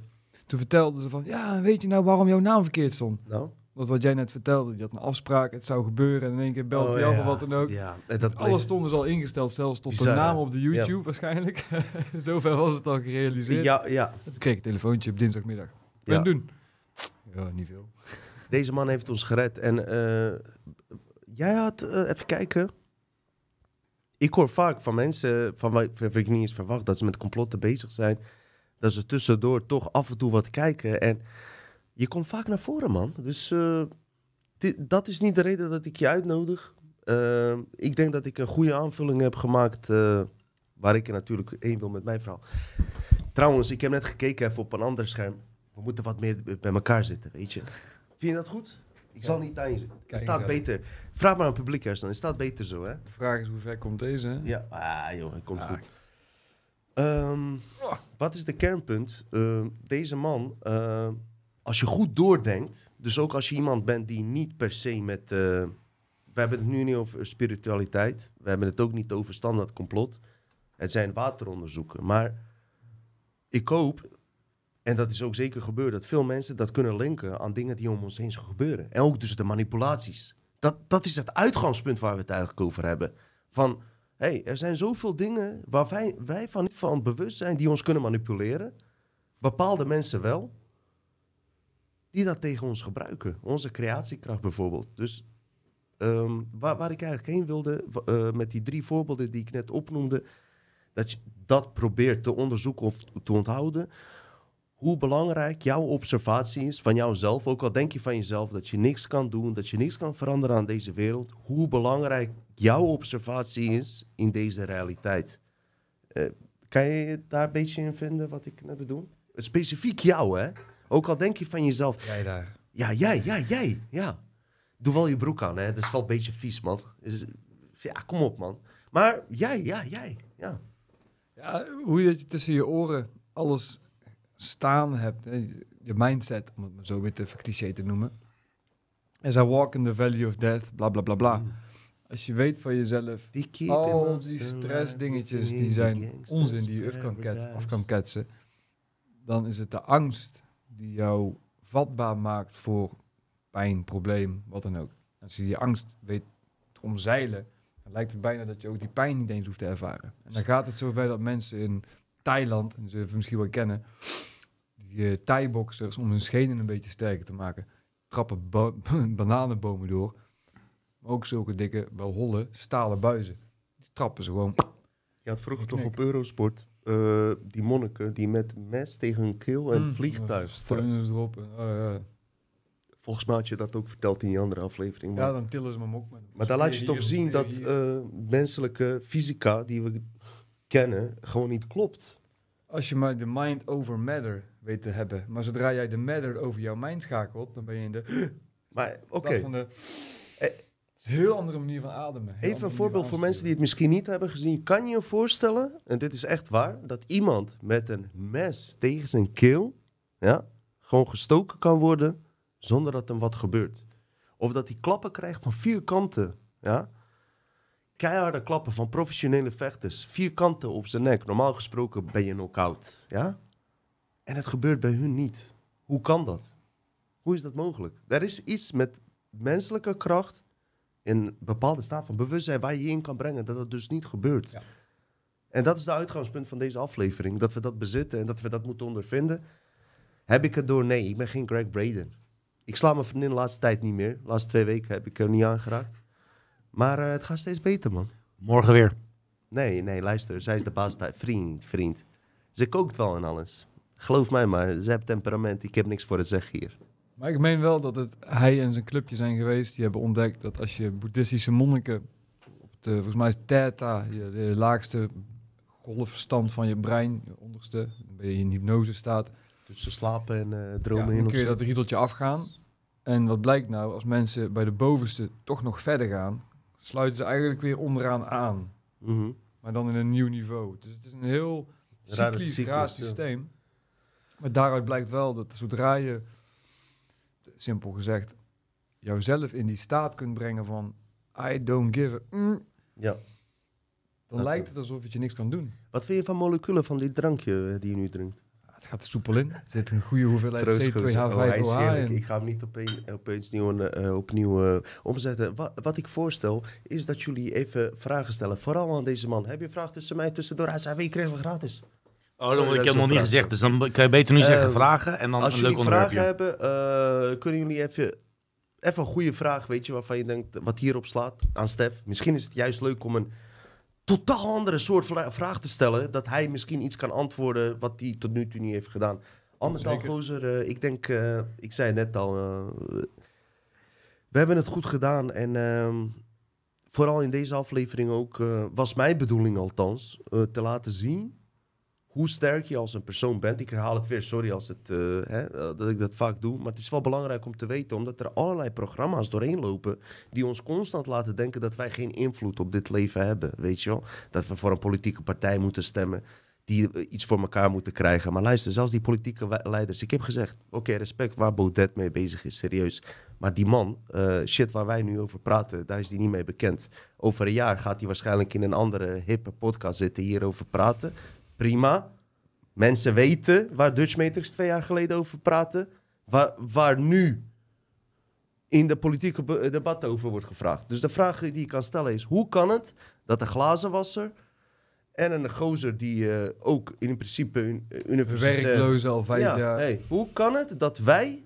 En dat is, heeft niks met mijn eigen trots te maken. Interesseert me geen reet wat je denkt. Hoe kan het dat wij shit brengen die twee jaar later in de politiek komen... en zelfs bij de moderne wetenschap. Ik heb vragen, vragen, vragen, vragen. Tuurlijk. Eentje staat al in de titel, maar zeggen ze... Stef, de dames willen graag weten wat jouw uh, sterrenbeeld is. Was je geaardheid even? Ik ben... ben je gay of niet? Nee. Ik ben wel vrolijk als dat gay betekent. Als je gay was, had ik evenveel naast jou gezeten, gozer. Misschien wat dichterbij. Zo, had ik zo gedaan. Maar je sterrenbeeld? Ik ben 2 april jarig, een paar weken geleden. Ik ben een ram. Een ram, daarom staat in de titel al, Stef, de waterram. Voor iedereen die door had. Mooie speling. Um, met welke kristal zou je drinkwater kunnen opladen? Opladen. Ja, er zijn allerlei, veel mensen werken met rozenkwarts. Welke waterfilter kun je het beste gebruiken? Dat is het probleem. Als je in filters gaat denken, denk je op fysisch vlak. En als je met die magneten bezig bent of met die ring, dan denk je op metafysisch vlak. Maar als je metafysisch iets aanpast, werkt dat door in het fysische. Andersom waarschijnlijk niet. Dat het meer fundamenteel is. Dus ja, wat is de beste? Ehm, technisch gezien is het beste voor schoon water destilleren. Maar dan heb je weer arm water, wat slecht kan zijn voor je lijf. Dus overal haken en ogen. Oké, oké, oké. Maar het is wel lekker water van Moerdijk, hè? trucje, waar je water ook vandaan komt, draai je tegen de klok in. Laat het even settelen, eh, zijn rust vinden en drink het dan op. Mag ik even tussendoor alleen iets zeggen? Misschien dat mensen daar hier iets aan hebben. Wat Stef vertelt klopt. Eh, bij eerste aflevering heb ik gemerkt, zonder enige placebo-effect of bullshit, wat dan ook. Die magneten die hij tussen zet, eh, je proeft duidelijk verschil met water. Zelfs met mijn goedkope apparaat hier, ja. Waar mijn vriendin van denkt dat het gezond is. Helemaal niet gezond. Het is een plastic fucking ding, maar maakt verder niet uit. Zelfs hier proef je duidelijk het verschil. Je kan dus mij twee glazen geven zonder dat ik weet welke daar vandaan komt. Jou ook. Je proeft het verschil. Die is er. Maar, Ja. wacht, wacht, wacht, wacht, wacht. Ik ben nog niet uitgepraat. Wat ik alleen wil zeggen, is dat mensen dan snel de neiging krijgen als ze een glaasje toevallig eh, ergens bij iemand op visite uit normale kraan krijgen, dat ze daar een heel heisa van maken. hey, dan moet je ook wel zo nuchter zijn. Neem gewoon ook die glas die je aangeboden wordt op die verjaardag. Ga niet trippen. Dan word je zo'n spirituele eh, persoon die alles tegenwerkt, weet je. Ik heb een, programma in mijn hoofd geïnstalleerd. Dat is de nieuwste software van Matrix. Daar kan je gewoon alles filteren wat je wil in je hoofd. Daar heb je nergens last van. Maar wat hij zegt, is zeker wel. waar. Nee, maar Uiteindelijk wel. ook wat jij zegt is zeker waar. Maar trip er niet te veel op in. Oké? Kijk, als, Mijn? als je het nog verder wilt doortrekken, het lichaam... Ga je me begrijpen wat ik zei? Ja, ja, ja. Hier komt hij. Het lichaam heeft dus water nodig. Daar zijn we mee eens, toch? Of niet? Het lichaam heeft water nodig. Ja, op eh, daar ben ik mee eens Maar op zich. de grap is dat jouw mitochondriën in hun... Wat is mitochondriën, gozer? Dat zijn kleine organellen in jouw cel. Waar Wat zijn organellen? organellen zijn... Je hebt organen in jouw lichaam. Cellen van je organen. Een cel heeft ook weer organen. En dat noemen we. Kindjes van de cellen. Ja, dus je hebt de celkern, je hebt het Golgi-apparaat, je hebt ook mitochondriën, je hebt van alles. Ik kom uit Bosnië, ik ben glazenwasser, hè? Ik was de mitochondriën- fysica-expert. Die branden eigenlijk alles er doorheen wat jij eet. En daar maken ze CO2, wat je dus uit dient te ademen. Mhm. En je genereert H2O. Jij bent je eigen watermachine. Jij maakt water. Meteen heb ik een vraag. Dan Luister even tussendoor. Misschien een hele gekke vraag, maar misschien is die ook niet gek. Zou, zou die CO2-shit en die hele klimaatdiscussie iets te maken hebben hiermee? Of zeg ik nu iets heel geks? In welke zin? Dat ze in een hebben? zin ons in een andere sfeer willen plaatsen. In, eh, eh, dat ze iets aan onze eh, manier van eh, ademen willen veranderen. Of iets Vooral die- consumeren. Niet Ja. zozeer het ademen aan zich, maar wel hoeveel kilometer dat je rijdt, hoeveel producten dat je hebt besteld Mhm. en hoeveel daaraan vliegkilometers en kerosine en al die Al die data transport tech shit, en CO2 eh, Oh ja. Wat, daar de totaal som van is, dat zal het misschien op een gegeven moment aan Ik moet zeggen dat je elke af- antwoord fantastisch is. Nu gaan we naar de kijkers. Eh, ja, ik, heb, ik, ik doe ze een beetje door elkaar vragen dan als je het toch over H2O Turk had. eerst, ja? Wat is, nee nee, Eh, kijkers eerst, daarna Dino. Die ga ik aanhouden. Ehm, wat is H2O en wat is HDO en wat is beter? HDO zul je waarschijnlijk met deuterium bedoelen. Deuterium is dan weer zwaar water. En, eh, als je een, een waterstof bekijkt, een neutron en een proton. En een deuterium heeft dan weer, wat is het, een extra neutron erbij. Dus die weegt één keer zoveel eigenlijk als een waterstofproton. In jouw systeem, dat is ook een heel groot verhaal binnen de eh, mitochondriën met de matrix. En daar de verwerking van die atomen tot water als er deuterium in, in de machine zit, oftewel als een atoom normaal zo groot is en in één keer is het zo groot, zit de camera, ja, van dit naar dit, dan past het niet in de mal waar het voorheen gebruikt werd. Kan je wel mooie waterstofbommen mee maken. Ja, omdat het dus zo hoog energie, eh, energetisch is en Klopt. en zo. Ehm, ehm, Want je hebt ook tritium. Tritium is nog een verder... die ken eh, ik niet. Dus isotoop. tritium is toch alleen maar iets wat alleen maar zich nakomt na een, nucleaire blast? Het is een heel kort halfwaardig tijdgeleefd stofje. Het is, het is heel kort aanwezig. Maar het is al wel lang genoeg om dat wetenschappelijk te zeggen. Ik ben flabbergasted uh, hoeveel stoffen jij kent, gozer. Ga door, ik- ga door. ik heb ik ook vaak dat ik met iedereen wel in discussie ga, maar met. Stef vaak niet. Dan naar denk ik bij hem mezelf, laat maar. graag. Ga maar door, gozer. Ehm, de- deze wil ik ook wel beantwoorden als eerst voordat jullie gaan beantwoorden. Gaat Elon, Elon Musk de wereld redden met Twitter? Eh, mensen, de enige wat hij gaat doen is met Twitter iedereen een chip in zijn hoofd implementeren. Maar, eh, Als hij het kan kopen. Ik wil die antwoord eh, geven, maar eerst hij. Eerst jij, dan, dan Dino. Ja. Wat Elon Musk met Twitter gaat. Ja, als, als hij het kan, want hij gaat hem niet kunnen kopen nu. Nee, oké. Eh, Twitter is wel een machtig wapen in de zin van welke informatie komt de wereld in. Weet je wie de grootste eigenaar is van Twitter? Dat zal Jack Dorsey niet zijn. Saudi-Arabië. Aha. Hmm. Ik dacht Redouan. Redouan T. Ga maar, ga Oké, ga maar door. Het gaat nergens over dit. Nee, nee, ik ben benieuwd naar jouw antwoord. Ja, ja, Oh ja, ehm, eh, wat ik wilde zeggen. Ik heb eh, dubieuze gedachten bij Elon Musk. Weet je waarom? Eh, als we het over die onzichtbare invloeden hebben uit allerlei andere lagen, dan kan je ook voorstellen dat de designers, als we dit als een matrix zien, bij belangrijke figuren zoals presidenten en invloedrijke influencers, wat de media ook nu doet, mhm. kunnen inbreken in hun brein, zeg maar. Ja. Ik denk dat zo en zo, eh, in mijn onderzoek, dit heb ik niet zelf ontdekt. Vooral Martijn van Staveren, ja, sorry, ik noem die naam. Ik heb scheid aan wat mensen denken. Ik eh, maak verder ook niet uit. Die man heeft mij op dit level gebracht. Ik heb me geen reet schelen wat mensen zeggen. Stel je voor dat jij de eh, programmeur bent van een spel en jij bent met een experiment bezig en jij wil dat spel beïnvloeden.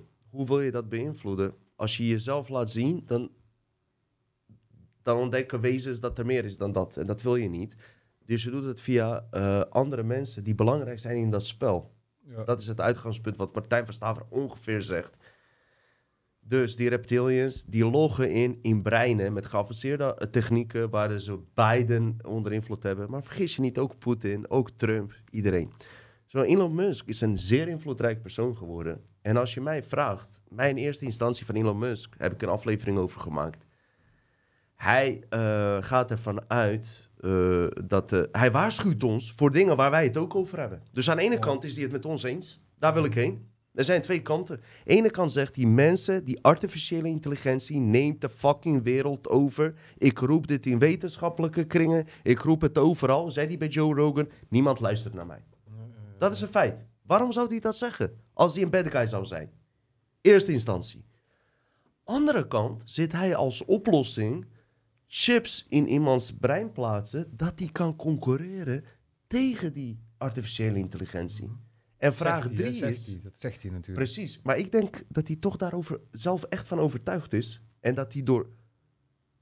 Als optie, hè, zeg ik het. Ik zeg niet dat het zo is. Mhm. Mensen denken dat hij het bewust doet. Dus dat hij in zo'n groepje zit, satanisch groepje. En zegt van, oh, wij gaan mensen overnemen. Dat is één optie. Andere optie is, is dat hij door... Dat in zijn brein wordt gehackt. En daar misbruik van wordt gemaakt. Wat ook bij mij ook gebeurt. Ja? Als ik niet drie eh Shivas drink, maar 15. En vier huizen verder beland bij mijn buurvrouw in het bed. Nee, dit is nooit gebeurd. Nooit gebeurd. Zeg nooit gebeurd. Maar hey, luister wat ik wil zeggen. Dus, de vraag is... Kan het zijn dat die onzichtbare velden ook op Elon Musk, zonder dat hij het door heeft, hebben ingespeeld? Ja? En dat hij als, zonder te weten, hij denkt dat hij het goede doet, maar dat hij niet het goede doet. Dat het zo ingewikkeld is. Dat is een hypothese die ik stel. Ik zeg niet dat het waar is. Dus ik, ik leg het even open, ook aan jullie. Hoe Zo worden wel veel goede ideeën gekaapt. En uiteindelijk niet zozeer voor slecht bedoeld, maar de maximale potentie die wordt dan eruit gehaald, om het zo te zeggen. Snap je wat ik bedoel? Ja. Wordt omgeleid naar het, toch naar de groter plan waar, waar wij van eh ja, het het, wordt- weer een beetje teniet gedaan, gesust. Het is Kijk. allemaal, ah, kijk hier niet zo naartoe, dit is niet zo Er, er zijn een paar feiten. Elon Musk, heb ik ook in, mijn, in die boek eh, Hek van de Matrix beschreven. Hij eh, is de enige van hun die praat over matrix-realiteit en dat we in een hologram leven. Hij is overtuigd dat er buitenaardse wezens kunnen zijn die ons kunnen beïnvloeden. Heel veel dingen die wij vertellen gaan ook overeen. Aan de andere kant, eh, niemand staat te wachten op een fucking chip in zijn brein. En dan Waarom kan je... zeg jij niemand? Er zouden echt wel mensen zijn die Nee, de raam staan te niemand wachten. van onze kijkers. En plus, daarnaast heb ik ook die experimenten. En, en dat gebeurt heel veel, maar heb, dan zie ik die experimenten met die varkens en die apen. Ik vind het ziek. Ik ben niet iemand die zo'n experiment zou voeren. Maar die experiment wordt door, bij ons dus gedaan. Wij zitten er ook in. Door hogere intelligenties. Dus misschien is Elon Musk iemand waarvan je kan zeggen van... hé, hey, datgene wat hij, waar hij nu mee bezig is... wordt bij ons al duizenden jaren gedaan. Zonder dat we dat zien.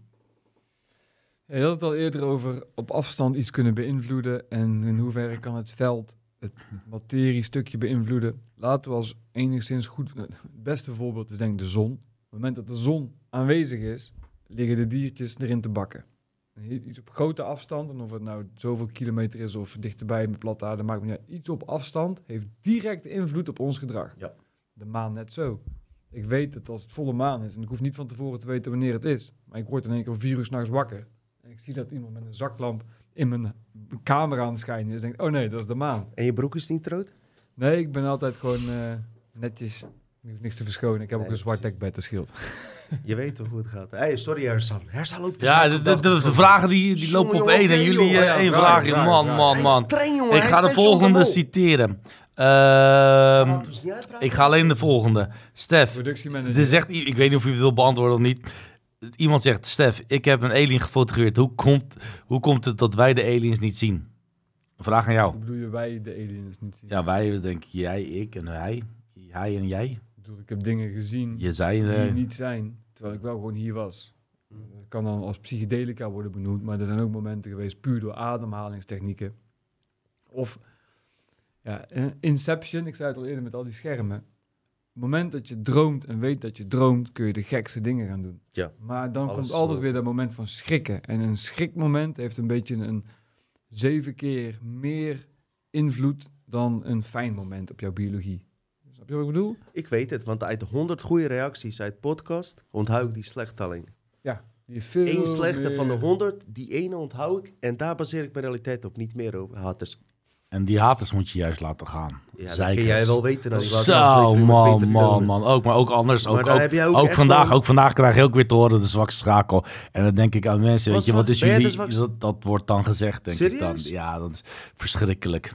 Als Maar jullie ehm, zo ver denken, ik ben daar eh, niet blij mee. Man. zonder mij was het niet in zijn podcast. Zon- zonder hem hadden deze live, dit was niet mogelijk. ge- Hij heeft Stef ontdekt.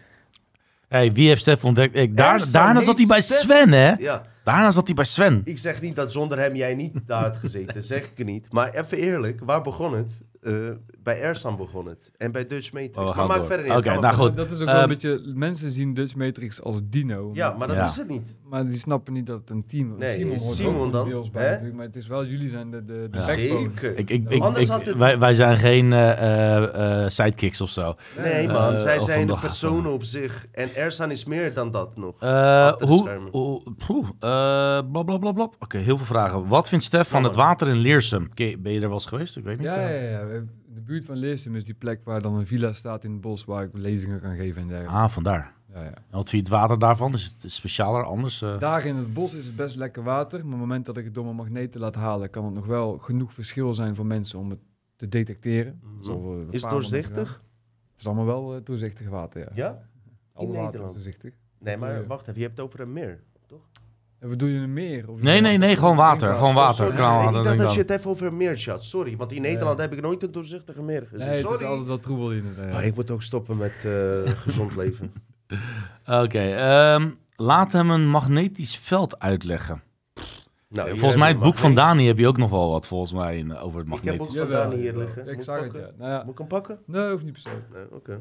Stel dat dit... Dat is de camera. Dit is de magneet. Het veld gaat van één kant bolvormig via de middenkant door naar de overkant naar de andere kant.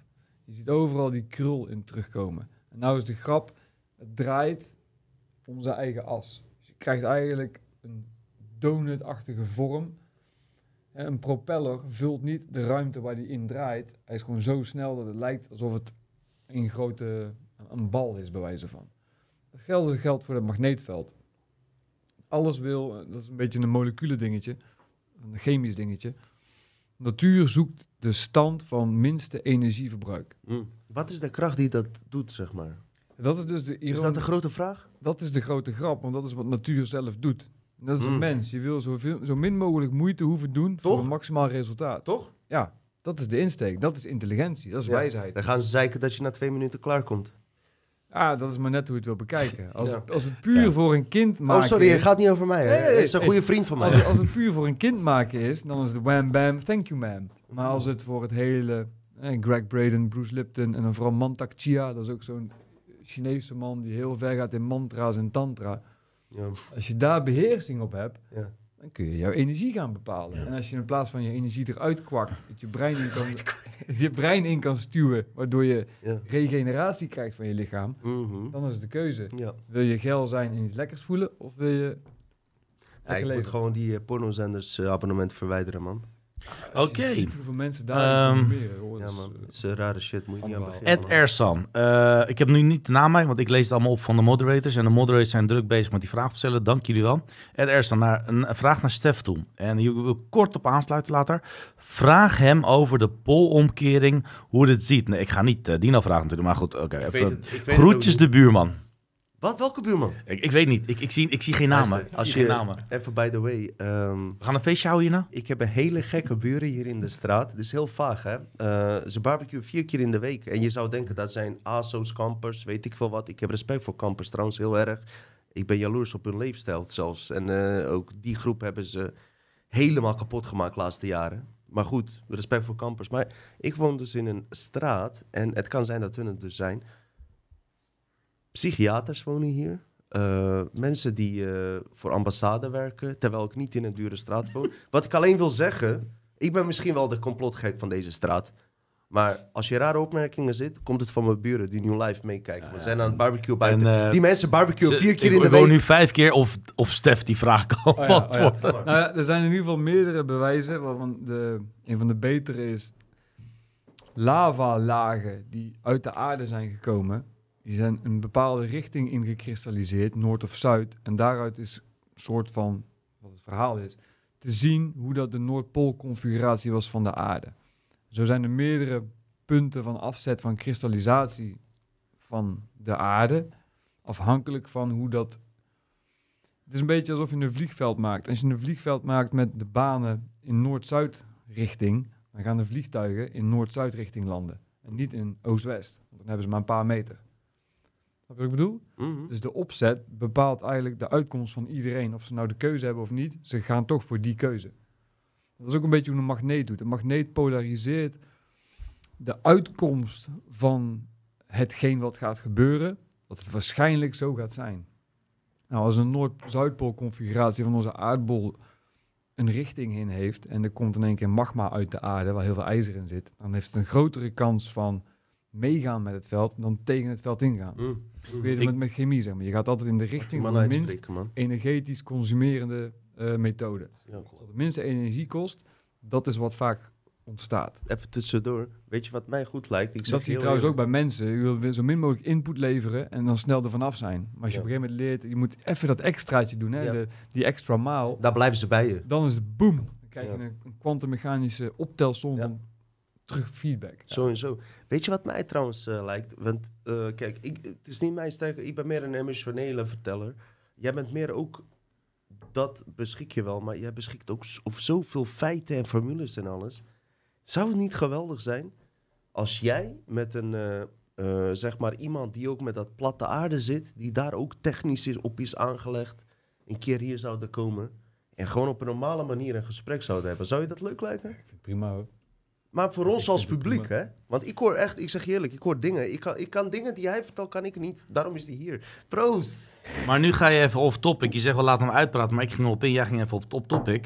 Maar wist je ook je met, eh, met, eh, met, het- met het. eh, pff, dan. Maar wist je over die. eh, ken je de Parallel Access Theorem? Dit is een Russisch astronaut die in de jaren 70, 80 experiment heeft gedaan met een draaiende voorwerp in de, op, in de ruimte. Wat gebeurde er? Iedere keer na 20 of 30 spins. Ja, Flipt die om. Klopt. En Zie je ook met dat schroefje. Met dat, Juist, eh, met het schroefje juist. ja, En ook vanuit de geschiedenis hebben ze dus informatie dat de Noord- en de Zuidpool ook is omgesprongen. Dus dat de Noordpool en de Zuidpool een spin hebben gemaakt. Ja. Zou het misschien kunnen dat de aarde ook spint zonder dat we het doorhebben? Dat zou volgens mij iedere 10.000 Heb je- jaar betreffen. Heb je het nu Ja. wel door dan? Ja, maar dat is dus de grap, hè. Beeld je in als de bol, als de aardebol is. De massa, de aarde, het- de grond letterlijk, die draait. En het water, nou zoals als je een, een emmer met water omdraait, dan blijft het water in de emmer zitten. Als je die emmer boven je hoofd stopt, komt alles naar beneden zetten. Ja. Precies. Dus als jij een aardbal hebt met water en die draait, en de bal stopt of gaat de andere kant Mm. op, het water gaat nog eventjes zijn momentum behouden. jullie. Ja. En zo krijg je ook het hele verhaal van Noah en de Precies. twee mijl hoge muur en van water en dat soort dingetjes. Grapje, En, grapje. En weet je dat de aarde al een klein beetje gestopt is met eh, sneller draaien? Het draait nu iets langzamer. Ja, heb ik gemerkt, man. Heb ik echt gemerkt. Laatste sinds, tijd vooral. eh, sinds oktober 2010 kun je 2010, 2010 sinds oktober 2010 Hij is kun, goed, je, hè? kun je zien dat de maan komt normaal op en gaat onder in die positie. En nu komt ze op en draait ze en gaat onder in die positie. Stef, leven in een spannende tijd. Even serieus. Ja. Ja? Dat idee. Ook volgens de Aardig wetenschap. profetisch wat Ja? dat betreft. Ja. Kom maar met nog Hard vraagt. We hebben nog, we hebben nog genoeg. We 20 hebben- minuten. ja, zo wordt wel drie Willen uur. ze dat? ja, Moeten ze jullie willen niet nog gaan door. stappen? Willen jullie niet uitgaan? Je kan eindig uitgaan zonder QR-code. Nee? Oké, is goed. Ik doe het voor jullie. Ja, ja. Prima. Hard Ja, vraag. Stef eh, zit ook. Wat weten jullie over de theorie van cobra-gif in COVID-slang? Uit de Bijbel wordt de machthebbers gebruikt om de mens vergiftige slangen. Gif wordt er dan voor, voor smaak, eh, zorgt ervoor dat de smaak verdwijnt. Ja, Back to you, Stef. Er zijn heel veel verhalen nu gaande vanwege die Watch the Water documentary. En er is ook logica achter te vinden dat slangengiffen kan eh, verklonteren en bloedverdunnend werken. Kunt twee kanten van dezelfde medaille een beetje op inspelen. Als je bloed te dun wordt, dat is niet zo best. Als je bloed te dik wordt, dan ben je ook snel af. Ja, die peptiden. Dus de, de afgelopen twintig jaar, laat ik het even anders zeggen. Op het moment dat ik klaar was met studeren, werd mij duidelijk dat organische chemie was een beetje af. En er werd steeds meer onderzoek gedaan richting peptides. Peptide, peptide, peptide. Wat is dat, gozer? Dat zijn wat grotere moleculen waarmee je je hormoonregulatie kunt beïnvloeden en dat soort dingetjes. Oké. Dus dopamine, serotonine, dat zijn kleinere moleculen. Ja. En Als je dan wat, wat groter gaat uitbreiden, dan op een gegeven moment kun je het peptide noemen. Simpel gezegd. Mhm. Die giffen zijn ook vooral peptides. Als je dan gaat nadenken dat een de naald die gebruikt wordt voor een vaccinatie of een injectie of bloed afnemen, is gebaseerd op tand van de slang. Oh ja?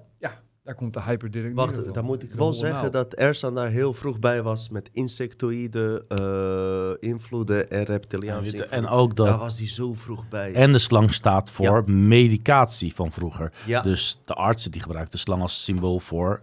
je weet toch, Genezing, slang van de pharma. farma-industrie. Ja. Toxine, Ja. gif. Wat geeft een slang? En eh, wat is het teken van DNA? Twee slangen met allemaal laddertjes tussendoor. Ja, maar dat is dan weer de dubbele helix van de, de Mm. bazenparen. Dubbele helix. En die laddertjes, dat zijn Dubbele helix de- de pak je. waterstof- Ik kan beter met een paar Turken afspreken.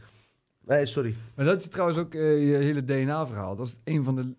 Oké, zo fundamenteel mogelijk kijkend naar DNA... kun je zeggen dat de kern van... Het DNA is een lange buis, min of meer. Mhm. En die draait om zijn eigen as.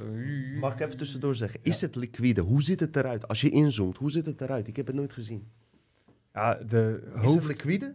Nee, het, is, het zit wel vast, zoals wij dat Ja? noemen. Een soort microbe of zo? En dat is de grap. Heel Het is veel... toch een zuur, het is toch een aminozuur? Nou ja, de aminozuren, Ja. eh, dat is de bouwstof van leven. Je, je zoomt in eh, met de microscoop op DNA. Hoe je- ziet het eruit? Je hebt bazenparen, die zitten aan de binnenkant.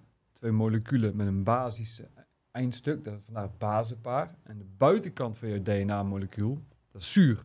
Hm? Dus je hebt een zuur-bazenverschil, waardoor je dus een plus- en min-lading kunt creëren over een afstand. Ja. Dus je kunt spelen.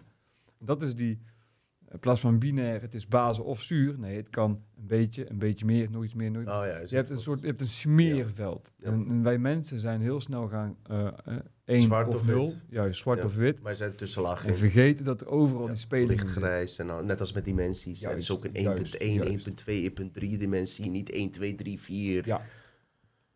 Kijk, heel veel dingen zitten in onze woorden. Die man, die mens, dimensie is een twee die van het geheel. Dus je, puur het woord splitst het geheel. Maar het geheel is Mhm. Dit is gewoon. Wij zijn hier gewoon. Je kunt stellen wat je wil. Je bent drie mensen in één kamer. Dimensie. Ja, drie mensen krijgen dat. Maar net als we hadden eerder over het parlement. Parament. Parlementier. Parlementier is Frans voor praten en liegen. En zelfs in het Spaans is mentiroso, is een leugenaar. Godverdomme. Parlement door te liegen. Serieus? Ja. Als je dat letterlijk ver- Maar, vertaalt? ja, ja, maar ook, ook eh, eh, politics staat, het woord poli staat geloof ik ook voor het leugen, geloof ik, in, in het Grieks of, of eh, Best kunnen. zoiets. Ja. Government. They govern you mentally. Yep. Gouvernementen. Ze hebben je fucking brein. Je verstand. Jij denkt dat ik jou naai. De overheid naait Maar jou. dit, dit waren al de oude Grieken die dit zeiden. Hè? Ja, maar die weten alles van... eh, de, Die zijn ermee begonnen. Ja, Ja, en dan krijg je op een Plato- gegeven moment Plato, de kerk, Rome, en die komt dan met Latijn. En dat Latijn wordt overal gebruikt om de boeren... Ja, we spreken hele mooie taal, niemand die het begrijpt en ze volgen ons klakkeloos. Shit. Het zit allemaal verstopt in bepaalde Maar- spreuken. Zeg dat ook niet, wat eigenlijk de oorspronkelijke trilling is die ons gedrag bepaalt. Daar hebben we toch ook deze hele aflevering over van... We kregen informatie binnen, maar we kunnen een heel groot deel niet decoderen. En dat deel dat we niet kunnen decoderen bepaalt ons gedrag. En dat is eigenlijk wat er elke keer fout gaat. Ja, want wat jij Toch? niet weet is per definitie angstig. En wat angstig is, is per definitie... Maar zelfs dat niet, ja, maar, maar zelfs dat niet al angstige maakt mij nog meer angstig. Als je bijvoorbeeld een Disney-video kijkt en er staan allerlei subliminals in, zeg maar, Mm. die je eigenlijk niet angstig maken, maar die komen wel binnen. Ja. Die hebben wel invloed. Dat is die hack waar je het eerder over had. Het hacken op eh, milieuniveau in plaats van op het diertje zelf inspelen. Je plaatst iets in het milieu, het diertje heeft niet door wat het betekent, maar hij ziet het continu. Het wordt opgeslagen, het wordt opgeslagen, het wordt opgeslagen. Ik vind dat veel enger, man. Ja, dat is kijk, als je, als iets doorziet, dan heb je dat menselijke, eh, jouw bewustzijn, kwantumfysica, die dat ziet, observeert en het kan herstellen. Maar ze spelen juist op velden in die wij nu niet kunnen waarnemen. En dat onderbewustzijn, daar, daar moeten mensen zich ook zeker op focussen. Hé, hey, dit was een goede aflevering. Willen jullie meer horen, verdomme van Stef? Ja, ze willen Wil je meer, meer horen. horen? Ja, we hebben 2 minuten 26. de gelijktijdige Mijn lopen. kind slaapt en ik had beloofd hem in bed te brengen. Maar voor jullie doe ik dat. Ja, ik kan het ook overnemen, hoor. je kan ook naar boven op zich als je wilt. Maar Nee, man. ehm, nee, nee, is goed. Zo, bijna plastijd. of je je nicotine-verhaal kan We doen afmaken. even Oh, we 10 kunnen ook. Even 10 minuten, minuten is, maar, wel ik genoeg, afmaken. weet je. Zo is ook genoeg. Wij moeten ook leven, snap je wat ik bedoel? Eigenlijk zouden we uitgaan. Dan we wel vragen stellen, die 10 Oké, minuten. Of je Ja. nicotine eh, kan afmaken, dan even het kort. Nicotine heeft verschillende interessante invalshoeken. Binnen je brein heb je de nicotine, wat is het, nicotinic emeretic receptors. Re- Receptoren die gevoelig zijn voor nicotine, om simpel te zeggen. Die receptoren, als ze gekoppeld zitten aan je amygdala, wat dus jouw, Was je aangemeld dan? dat is het centrum wat bepaalt of je wel of niet in een angststaat hoeft te zijn. In je hersenen een plek? amygdala betekent amandel. En de amandel is zo'n noot. En die amygdala stukje brein heeft de vorm van die amandel, bla bla bla. Receptor voor die ontvangst. Een angst. groepje neuronen met gevoeligheid voor nicotine. Ja. Maar daar zit wel een groepje neuronen gekoppeld aan jouw stresscentrum. Als jij jouw stresscentrum iedere dag gaat sussen met nicotine, Ja. dan, dan ben Of je... chocola? Of wat dan ook. Of iets, een extern middel voor een intern probleem. Ja. Dan wordt dat interne probleem alleen maar groter over tijd. En Oh, die ja? externe factor wordt alleen maar groter over tijd om het interne probleem te sussen. En dat is met drugs, dat is met alcohol, dat is met mensen die seksverslaafd zijn, dat is met mensen die geldverslaafd zijn. Meer, meer, meer, meer, meer. Nou begrijp ik er zoveel. Nee. Ja, en, en dat principe puur op ehm, het eerste vaccin wat gemaakt werd voor de coronapandemie in Engeland, was vanuit nicotine, vanuit de tabaksplant, Oh ja? tegen corona. Omdat, Welk jaar was dat? Ja, dat is, was 2019, 2018 volgens mij. Toen het net eh, die eerste... Ja. Ja. was dat En- Pfizer? Maar de grap is dus dat eh, ziekte, dis-ease, is niks anders dan jij bent niet in rust. En als je niet in rust bent, ben je dus in Mm. hoge staat, excited, waar ik het eerder over had. Je bent in aangeslagen toestand. En als jij niet terug kunt komen naar jouw grondpositie, jouw nulpositie, dan is ergens jouw systeem op een gegeven moment genoodzaakt om jou naar die grondpositie te brengen. En En wie kan, doet dat? Dat kan flauwvallen zijn, dat kan een hartinfarct zijn bij wijze van, want jouw lichaam zegt nu pauze. Die geeft het aan. Ja. Mm. En dat is het hele idee. We zijn de dupe van ons eigen gedrag. Maar omdat we aangeleerd zijn dat het iets genetisch kan zijn of iets mystieks of komt uit de hemel vallen, Wij hebben zelf eh, je alle verantwoordelijkheid. invloed. Juist. Weet je wat ik zelf heb gehoord, gozer? Vrijheid is verantwoordelijkheid. Ik, ik ga je even iets vertellen over eh, informatie die ik normaal gesproken niet 1, 2, 3 deel, omdat het niet wetenschappelijk is zoals bij hier. Deze informatie komt van buitenaardse wezens. Oké? En niet dat ik die informatie heb gekregen, maar er is een theorie over dat eh, je weet dat we maar 5% van onze DNA gebruiken, terwijl we 95% als junk DNA wordt ervaren. En daar worden allerlei theorieën gaan erover van hoe kan het ja, dat 95% van iets wat bestaat ineens uitgeschakeld is. Mhm. Is het ooit a- aangeschakeld geweest? En in hoeverre zitten we in een evolutieproces en niet in een downgrade, dat er steeds meer en meer wordt uitgeschakeld. En die vragen kan je stellen doordat we steeds meer weg van onszelf komen. Nou, is er een, eh, heb ik van buitenaardse wezens, niet via mijzelf, maar via andere kanalen, Cosmic Agency, die, waar ik iets mee heb. Kan, ik kan het niet bewijzen, maar wat zij zeiden, is het volgende.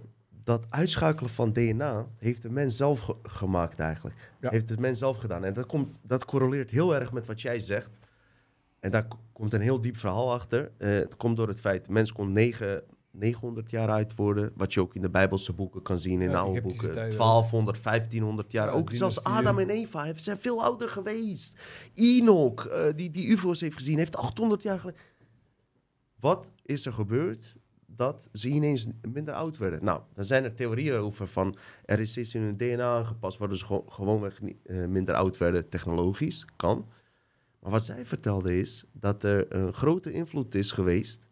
in de omgevingsfactoren. Wat er om de mens heen gebeurt. Dus in die tijd... Dan praten we over de tijd van Atlantis en Numeria in een andere dimensie. Werd de mensheid, ja, volgens hun, heel erg eh, uitgemoord. Ja? De mens werd uitgemoord, massaal. En wat gebeurt er dan? De gemiddelde leeftijd van de mens ging omlaag daardoor. Niet door andere redenen, puur omdat hij werd uitgemoord. Van 900 jaar werd het 120 jaar, 80 jaar. En die andere mensen die niet, werd, die niet werden uitgemoord, maar puur door hun perceptie, wat er om zich heen gebeurde, Ja, ja, ja. veranderde hun DNA. Hij moet meteen plassen. Is goed. Oh, nou, Eh, eh, even, even snel hoor. Even Snel, snel. we al afsluiten bijna. We gaan afsluiten. Veranderen hun DNA.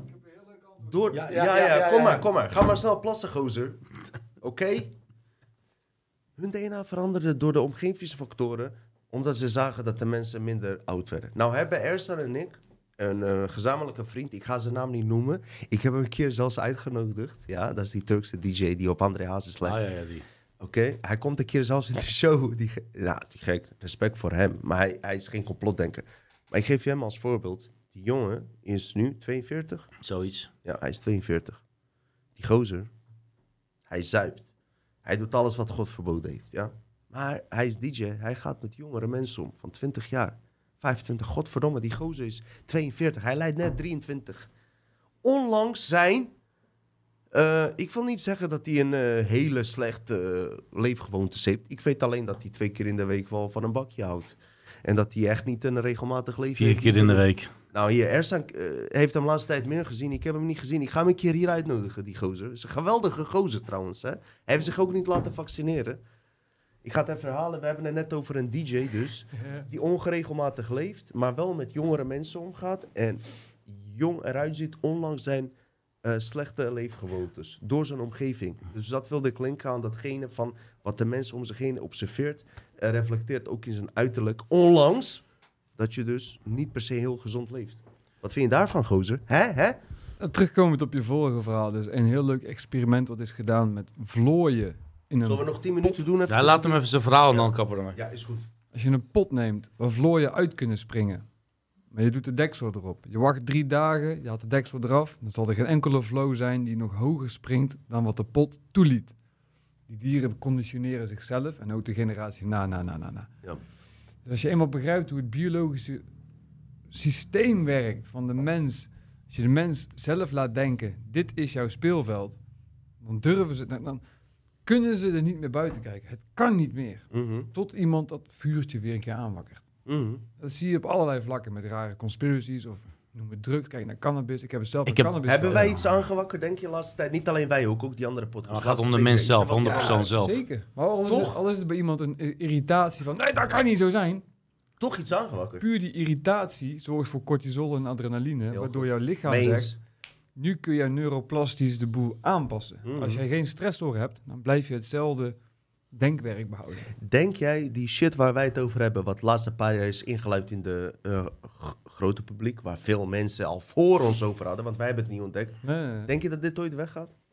Op het moment gaat het niet meer weg, denk ik. Ooit Tenzij de de stekker uit het internet wordt getrokken en er extreme maatregelen worden getroffen. Maar Ik denk dat er over eh, 15, 20 jaar een metaverse komt in plaats van de internet. En eh, dat, daar kunnen we nog een keer een aflevering over maken. tot die tijd, mensen, ik ga niks beloven. Tot die tijd verwacht ik, zeg ik je heel eerlijk, een paar jaar, hè, ik heb niet veel geduld. Ik zeg je heel eerlijk. Als hij binnen een paar jaar niet iets extreems verandert aan ons, dat we echt gelukkig worden, ik ben niet heel gelukkig. Kijk, Greg Braden is gelukkig, ik niet. Zeg je heel eerlijk. Moet ik nu eh, gaan spelen alsof ik een gelukkige jongen ben? Nee, nee, nee. nee. Hé, hey, luister vriend. Ik weet hoe gelukkig ik hoor te zijn. En dat ben ik niet. Zeg ik je heel eerlijk. Heel veel mensen spelen mooi weer. Ben je elke dag gelukkig dat je zegt van... eh, Nee, heb je wel eens niet. momenten is dat je denkt eh, van... Hé, hey, wat een kutwereld, man. oké, je vraagt nu iets dat extreem Ik beladen deze kan vraag zijn. uit mijn hart. Echt, wat ik voel. Maar als je eenmaal het fundamentele hebt ervaren van deze wereld, dan weet je dingen, om het even arrogant te zeggen. Ja. Dus dan is die, dat stukje mening kan nog wel ergens een plek vinden, maar sommige dingen weet je. En dat is Mhm. ook weer de grap, alles is de yin en de yang. Ja. 24 jaar van mijn leven was ik ervan overtuigd dat iedereen die ook maar het woord cannabis of marihuana in de mond nam, die stonden onder mij, dat was laagbegaafd en dat kon je afschrijven. Ja. Dat had ik aangeleerd van mijn vader en die heeft het aangeleerd in de jaren 70, 60. Van, het is crimineel, het is drugs, het is gevaarlijk, je wordt er psychotisch van. Er is ook een hele grote mediacampagne voor geweest. Als je nou terug gaat kijken hoeveel onderwerpen er bij mensen, families, hele groeperingen aangeleerd zijn onder valse voorschriften. Je gaat die reduceren uit jouw dagelijkse stress. Dan kom je eigenlijk al heel snel erachter. Er is geen reden voor stress. De enige stress die je zou moeten hebben is. Snap je? Niks. Ik kan niks verzinnen. Er is geen reden om voor jou zelf stress te hebben. Maar het punt is, het ervaren van stress geeft ons chemicaliën en stofjes waar je je lekker door voelt. En die onbewuste loop houdt mensen in dat Cortisone, cortisole, zoiets, ja. ja, Ja. en dat is ook weer de grap. Als mensen bijvoorbeeld een orgaantransplantatie hebben, krijgen ze cortisolen, heet het? Corti- corticosteroïden. Ja, zoiets, ja. Omdat zodra jij cortisol in jouw systeem hebt, staat je immuunsysteem uit. Kan je dus geen afstoting van je hart of je long of je weet ik veel wat. Tra- trouwens, jongens, die PC begeeft het bijna. Hè? Ja, dus we moeten echt, Maar eh, toch, omdat deze man... je immuunsysteem staat uit onder stress. Ik ga deze man alleen nog even, eh, wat hij net zegt... Ja, Even bevestigen, dat is het echt waard. Hebben we nog capaciteit over op deze 8 Eventjes, ja, eventjes. Maar hij, Luister. lo- hij kan uitvallen. Wat hij net zegt, luister wat er is gebeurd. Ook deze man, Greg Braden, beschrijft dit in een ander boek. Die ga ik niet vertellen. Heerlijk, ha. Komt wel in de aflevering. Luister wat er gebeurt. Eh, harttransplantatie. Op een gegeven moment vertelt deze man over een harttransplantatie. eh, dat bij iemand eh, die dood is gegaan, hart ging naar een andere persoon. Volgens mij zelfs naar een kind. Ik laat het even open. Wat gebeurt er? Dat kind krijgt ineens herinneringen die hij eerst niet had. Ja. Zij gaan onderzoeken. wat is er aan de hand? Zijn het waanideeën? Zijn het fantasieën? Dat klinkt bleef maar op doorgaan dat hij vermoord is in een ander leven door een bepaald persoon. Oké.